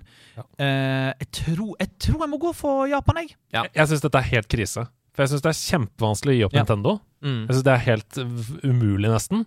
Men jeg må da gi opp Heartstone, Overwatch, Ja. alt fra Vesten. Ja. Som er he jeg, bruker det hver, jeg spiller det hver dag. Ja, ja, ja. Hele Blizzard. På grunn av Blizzard og Naughty Dog så må jeg gå for uh, Ja. vestlige spill. Ja, men det er det går ikke. Jeg synes det er bra. Santa Monica! Ja. Men, hvis vi, vi, men i dette scenarioet, hvis vi kjenner hverandre, så kan det være at jeg kan komme bankende på, på døren til Hasse. Nei! Nei! Har du ikke skjønt konseptet?! Nei, nei, nei, nå må dere høre etter. Jeg kommer bankende på døren til Hasse, og så spør jeg om kan jeg låne PlayStation, og så kan han komme på døren og bare, «Kan jeg låne Japan. Jeg syns det er eh, Og jeg så synes har det jeg er funnet et smutthull! Jeg syns det er helt grusomt å gi opp uh, Å gi opp The Last of Us, som er et av mine Ja. absolutt favorittspill gjennom tidene. Jeg synes Det er grusomt å gi opp Uncharted. Forferdelig med Heartstone. Helt Mm. uh, livsskjærende med Overwatch. Men jeg må spille Gran Turismo, og jeg må spille alle Nintendo-spill. Ja. Jeg må også ha Japan. Um, men Ja, da, men da, da går du for Japan, da? Jeg går for Japan og Ja. gir opp Vesten, og jeg syns det er helt krise. Helt forferdelig. Heldigvis trenger vi ikke velge. nei, fordi at vi kan bare låne Hasse. Halla laget! Payday 3 kom ut for et par dager siden, og siden det ikke ser ut som det går så bra med dette spillet eh, fordi det er always online, så har det, det har fått serverne til å krasje mye i Ja. launch osv. Spørsmålet er hva hadde dere syns om dere var, eh, måtte være tvinget online hele tiden når dere spiller? Uh, jeg spør dette hovedsakelig fordi man ser ofte at spill med tvunget online krasjer mye mer enn normalt. Sånn som SimCity da det kom. Helt rart at det skulle være always online. Ja, ja. Hva om alle spill var sånn? Hva hadde dere Vil dere helst at alle spill skal være uh, online, på en måte? Eller vil dere forsake alt online og bare ha singleplayer offline? Um, det siste for min del. Ja. 100 uh, Det hadde vært helt krise for deg, altså. Aldri, helt og, aldri kunne spille online. Ja, ja, det, det går Ja, ikke i det hele nei, tatt. nei, nei. Eh, nei, absolutt. Jeg Vekk med alt som har med online å gjøre. Bare la meg være i fred med spillet mitt og en, noe, en goddrikk og noe godsnacks i sofaen der, så er jeg strålende fornøyd. Hva har du på deg? Hæ? Mm, hva skal du ha på deg? Truse? Mm. Jeg syns det hadde vært helt eh, jeg, jeg må også gå for det. Ja. Men eh, altså alltid offline, Mhm. og at online ikke fins. Ja. Men da må jeg kunne snakke med folk på Discord, og så kan vi spille samme spill samtidig, for eksempel. Ja da. Det er å tweake det, syns jeg. Nei, men vi spiller jo ikke sammen, da. Vi kan ikke spille Overwatch, liksom. Det fins ikke, det, da. Du kan ringe Fordi- folk på telefonen, sånn som i gamle dager. Ja, ja. Ok. Og det er, det er smutthullet, det. Ja, Ja. det er smutthullet. Ja. Eh, vi må skynde oss litt her. Noen flere som setter pris på fargede knapper på kontrollen sin. Ja. Altså BAXY, trekant runding, at de har farger. Det Ja. er jo så mye enklere å minne andre spillere om hvilke knapper de skal trykke på. Hvis du kan si 'trykk på gul for å hoppe', Ja. osv., sier Fark. Hva tror dere er grunnen til at spillkonsollene tilsynelatende går vekk fra dette? Er det design over funksjonalitet? Det er 100 design over funksjonalitet. Dette, dette er noe som egentlig kom eh, med altså, lanseringen av den første iPoden. Altså liksom den eh, revolusjonen innenfor design som Apple sto for, og som etter hvert spillselskapene begynte med også, at alt skulle være veldig slik. Én farge, svart eller hvit. Eh, og som du ser i, alt, altså i filmer også. Alt skal Mm. være mer og mer eh, min, mindre og mindre fargerikt. Mm. Så det er utelukkende design, tror jeg. Mm. Som litt sånn bakvendt, for at før i tiden så var filmer bare i to farger, svart og hvit. Så Jeg syns det Ikke er dumt. veldig ja, men jeg syns det er veldig rart. Uh, spill er jo fargerikt. Ja. da, spill skal være kult og tøft og alt mulig, men, Mm. men vi må ikke slutte å leke heller, liksom. Nei. Hvorfor kan det ikke være rød knapp for tilbake og gul for hopp og grønn? Og Mm. Og det var så mange av de gamle spillene, eh, typ sånn eh, God of War, når de med knappekomboer. Da, Mm. er da fulgte jeg alltid fargen. Mm. Når det var blå, X, Ja, det stemmer. rød runding. Det var det som var Blå- klokket inn. blå, liksom. rød, blå, liksom. Blå, Mm. rød, blå. Ja. Riktig, riktig, Ja. riktig. Ja, Få det tilbake. Det ryktes om at Switch 2 skal ha fargene tilbake igjen. Mm, nydelig, Det håper jeg veldig at Ja, kommer. perfekt. ja. Men uh, jeg tror vi gir oss der, ja. Uh, tusen takk for innsendte spørsmål. Jeg glemte å si at det var Josle som hadde dette online-offline-spørsmålet, og at det var Fark som hadde dette siste om Ja. farger. Så tusen takk til det, Fark. Vi skal videre til バラバラに思いつくんですけどラババババラババババラババババラババババラババババラババババラバババババババババおー犬横島あなたの身振りを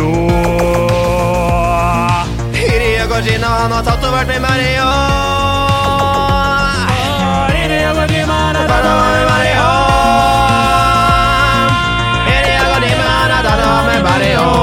Kojima-san. Goden, goden, goden, goden, goden, goden, goden, goden Oi, jeg gikk loss. Ops. Andreas er ødelagt. Heldigvis er jeg ikke det. Det er dere to som har latt Hidio Kojima ta over deres kropper denne uken. Hideo Kojima har offisielt tatt over min body, og han har lagd en uh, lydfil på kontoret i går.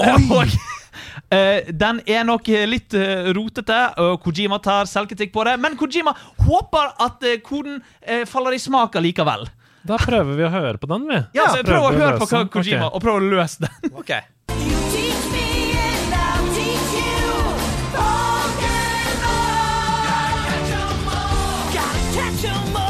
One, two, three, professor finished his time machine? He said he's almost done.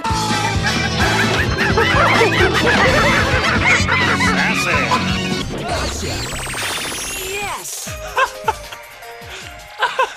Så, Jeg vet hva det er! så, det, så det har klikket fullstendig for eh, Kojima. er. han har gått inn på uh, download from YouTube-filer og blitt helt gal. Ok, Hasse. Hva er det vi, hva er det vi hører her?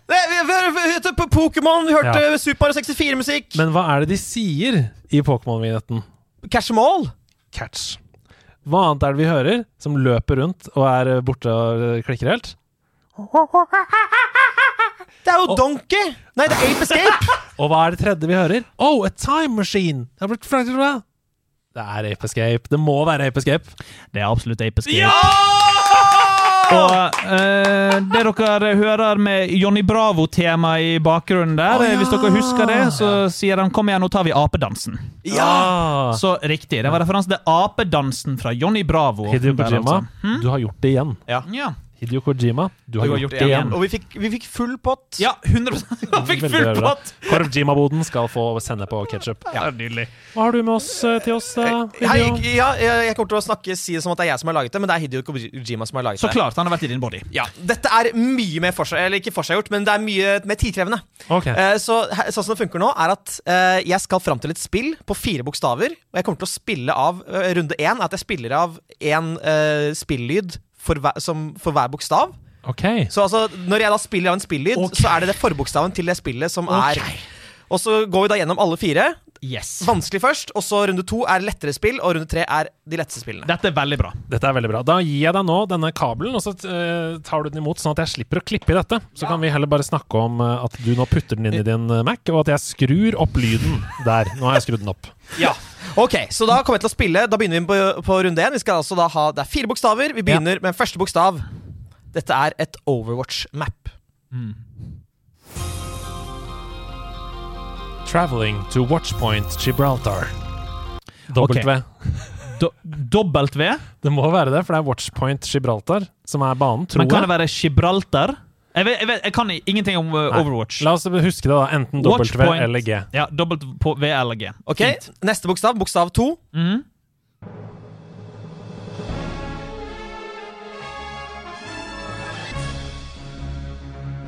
Oi.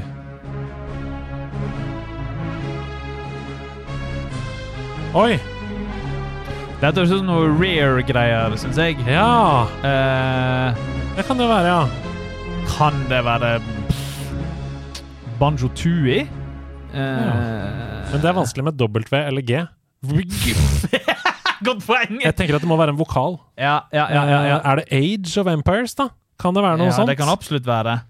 Um, Jeg bare noterer meg det eller, du sier. Eller eh, et strategispill som for eksempel um, jeg, husker, jeg skjønner ikke, jeg, men Nei. A eller E eller I eller O eller U. Tror Ja, jeg vi ja, ja, Da går vi til eh, bokstav tre. Mhm. Det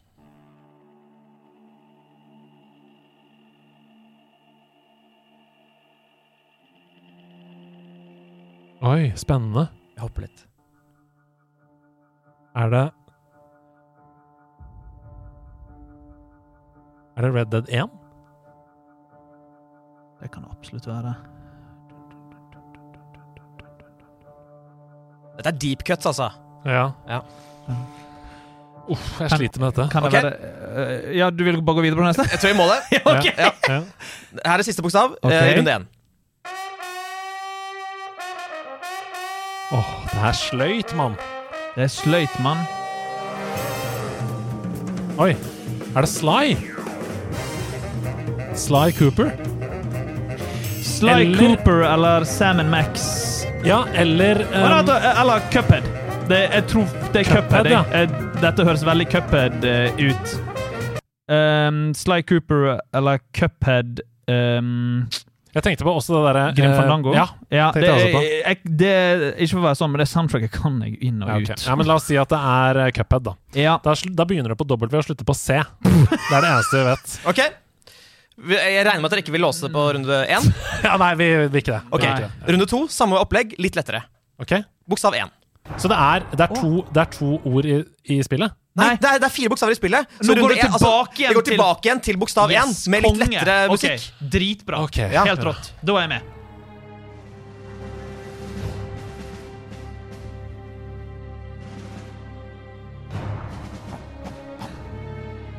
Warzone?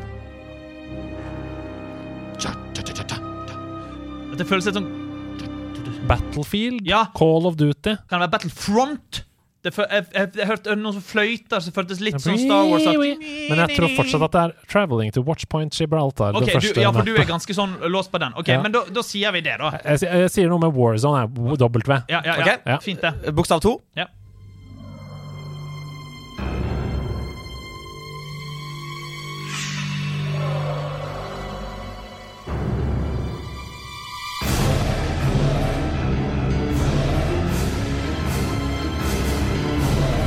Å, Alien! Isolation. Er det det? Alien? Åh. Kan, Kan- jeg, se, kan jeg bare kjapt stille spørsmål? Dette, Er dette det samme spillet som i sted? Nei. Nei, ok, så dette er bare en ny bokstav. Ok, ok, ok. okay. Uh, Ja, det er et bra forslag. Da er vi på WA. Da er vi fortsatt wa- W-A Bokstav tre. Eh, Ja. ja.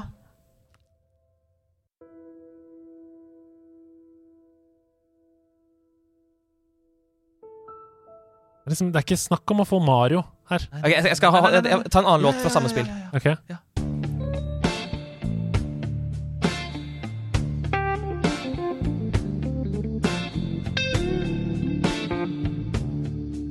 Nei, Jeg har ikke sjans, jeg. Nei. På piano så skulle jeg si Heavy Rain, men Ja. dette høres ikke ut som Heavy Rain i det hele tatt. Kan det være det kjørespillet fra Rockstar?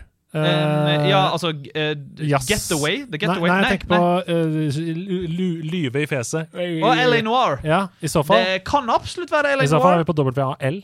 Vi skriver ned på pallen her. Ja. Ok, Siste Ja. bokstav, runde to. Ja.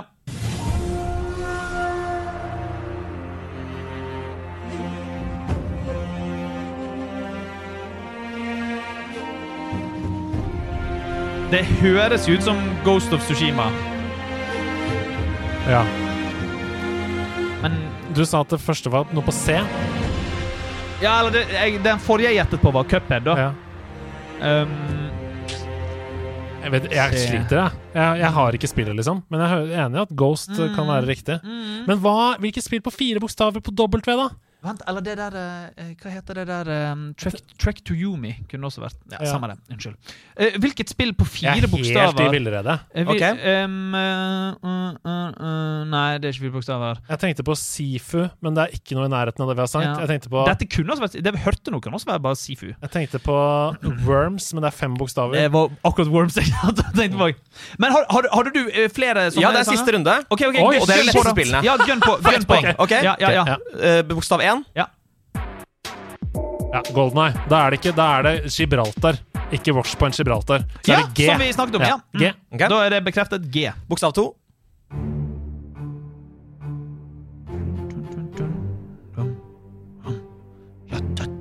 Hva er det vi har hatt på de andre her? Her har vi hatt Age of Empires, og vi har hatt Alien. Veit ikke. Ta, jeg må ta neste. Noe pirataktig. Dette er sammenspill.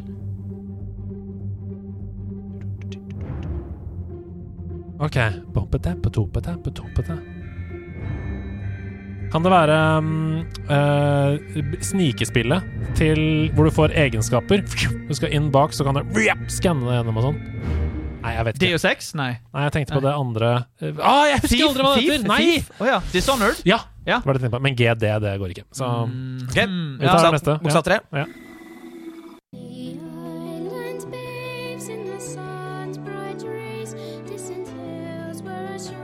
Dette vet vi jo. Er det Kingdom Hearts? Nei. Dette har jeg hørt en milliard ganger. ja, ja, dette er veldig kjent for meg. Det er uh, Nese... Nese... Neselys. Uh, Japan Studio. Inokuni? Ja!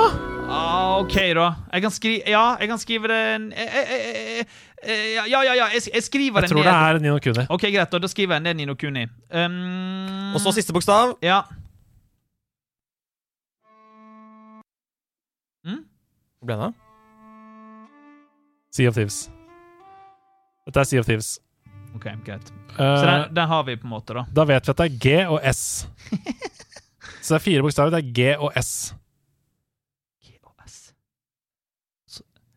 Og så, og så trenger vi Kan ikke fatte det. Eh, gris. Gris. Gris. Riktig.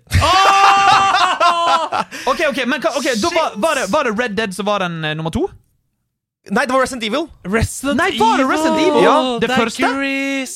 Men hva Det, var det I, da? første, eh, på, på, altså på, R, på R så var det Rogue Squadron, Resident Evil 3, Return of the Obra Dinn. På Fakarten. I var det Infamous, Second Son, It Ja. Takes Two og eh, Ico.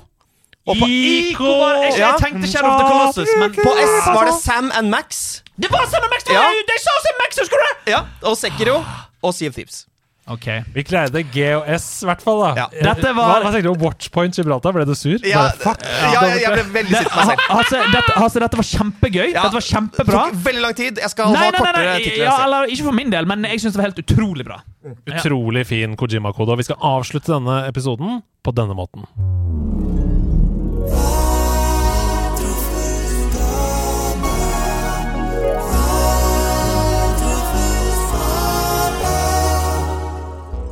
Vi er i troféskapet, som vi jo alltid er når vi eh, starter en ny måned. Vi avslutter med Patreon-perler og starter med troféskapet. Og denne gangen så må dere bare stålsette dere, altså. For dette er innsendt, og det er veldig, veldig rørende. Og jeg gleder meg skikkelig til å fortelle dere dette. Eh, men her kommer et eh, innsendt troféskap som jeg har spurt om jeg får lov til å lese opp, og det fikk jeg lov til. Så her kommer det. Kjære nerdelandslaget. Først vil jeg be om å få være anonym dersom dette skal deles, med tanke på personvern osv. Jeg har nemlig en historie som jeg syns dere fortjener å høre, fordi den er helt sjukt rørende, og fordi dere har spilt en viktig rolle i denne flotte reisen. Jeg jobber i psykiatrien, og jeg møter til tider unge gutter som sliter med angstproblematikk.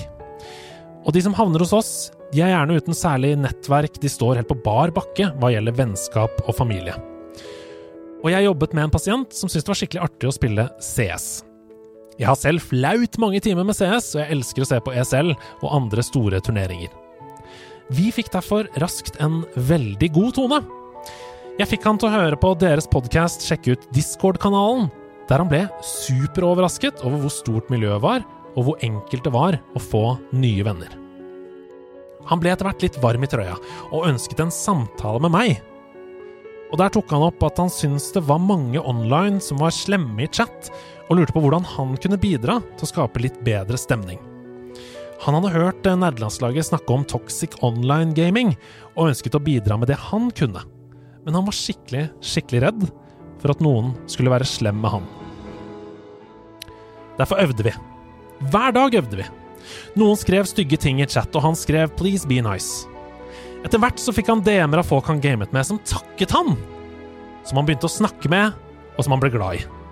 Og nå, to år senere, har han vært på tur med sine nye venner. Han har alltid noen å game med, og han har fått seg jobb.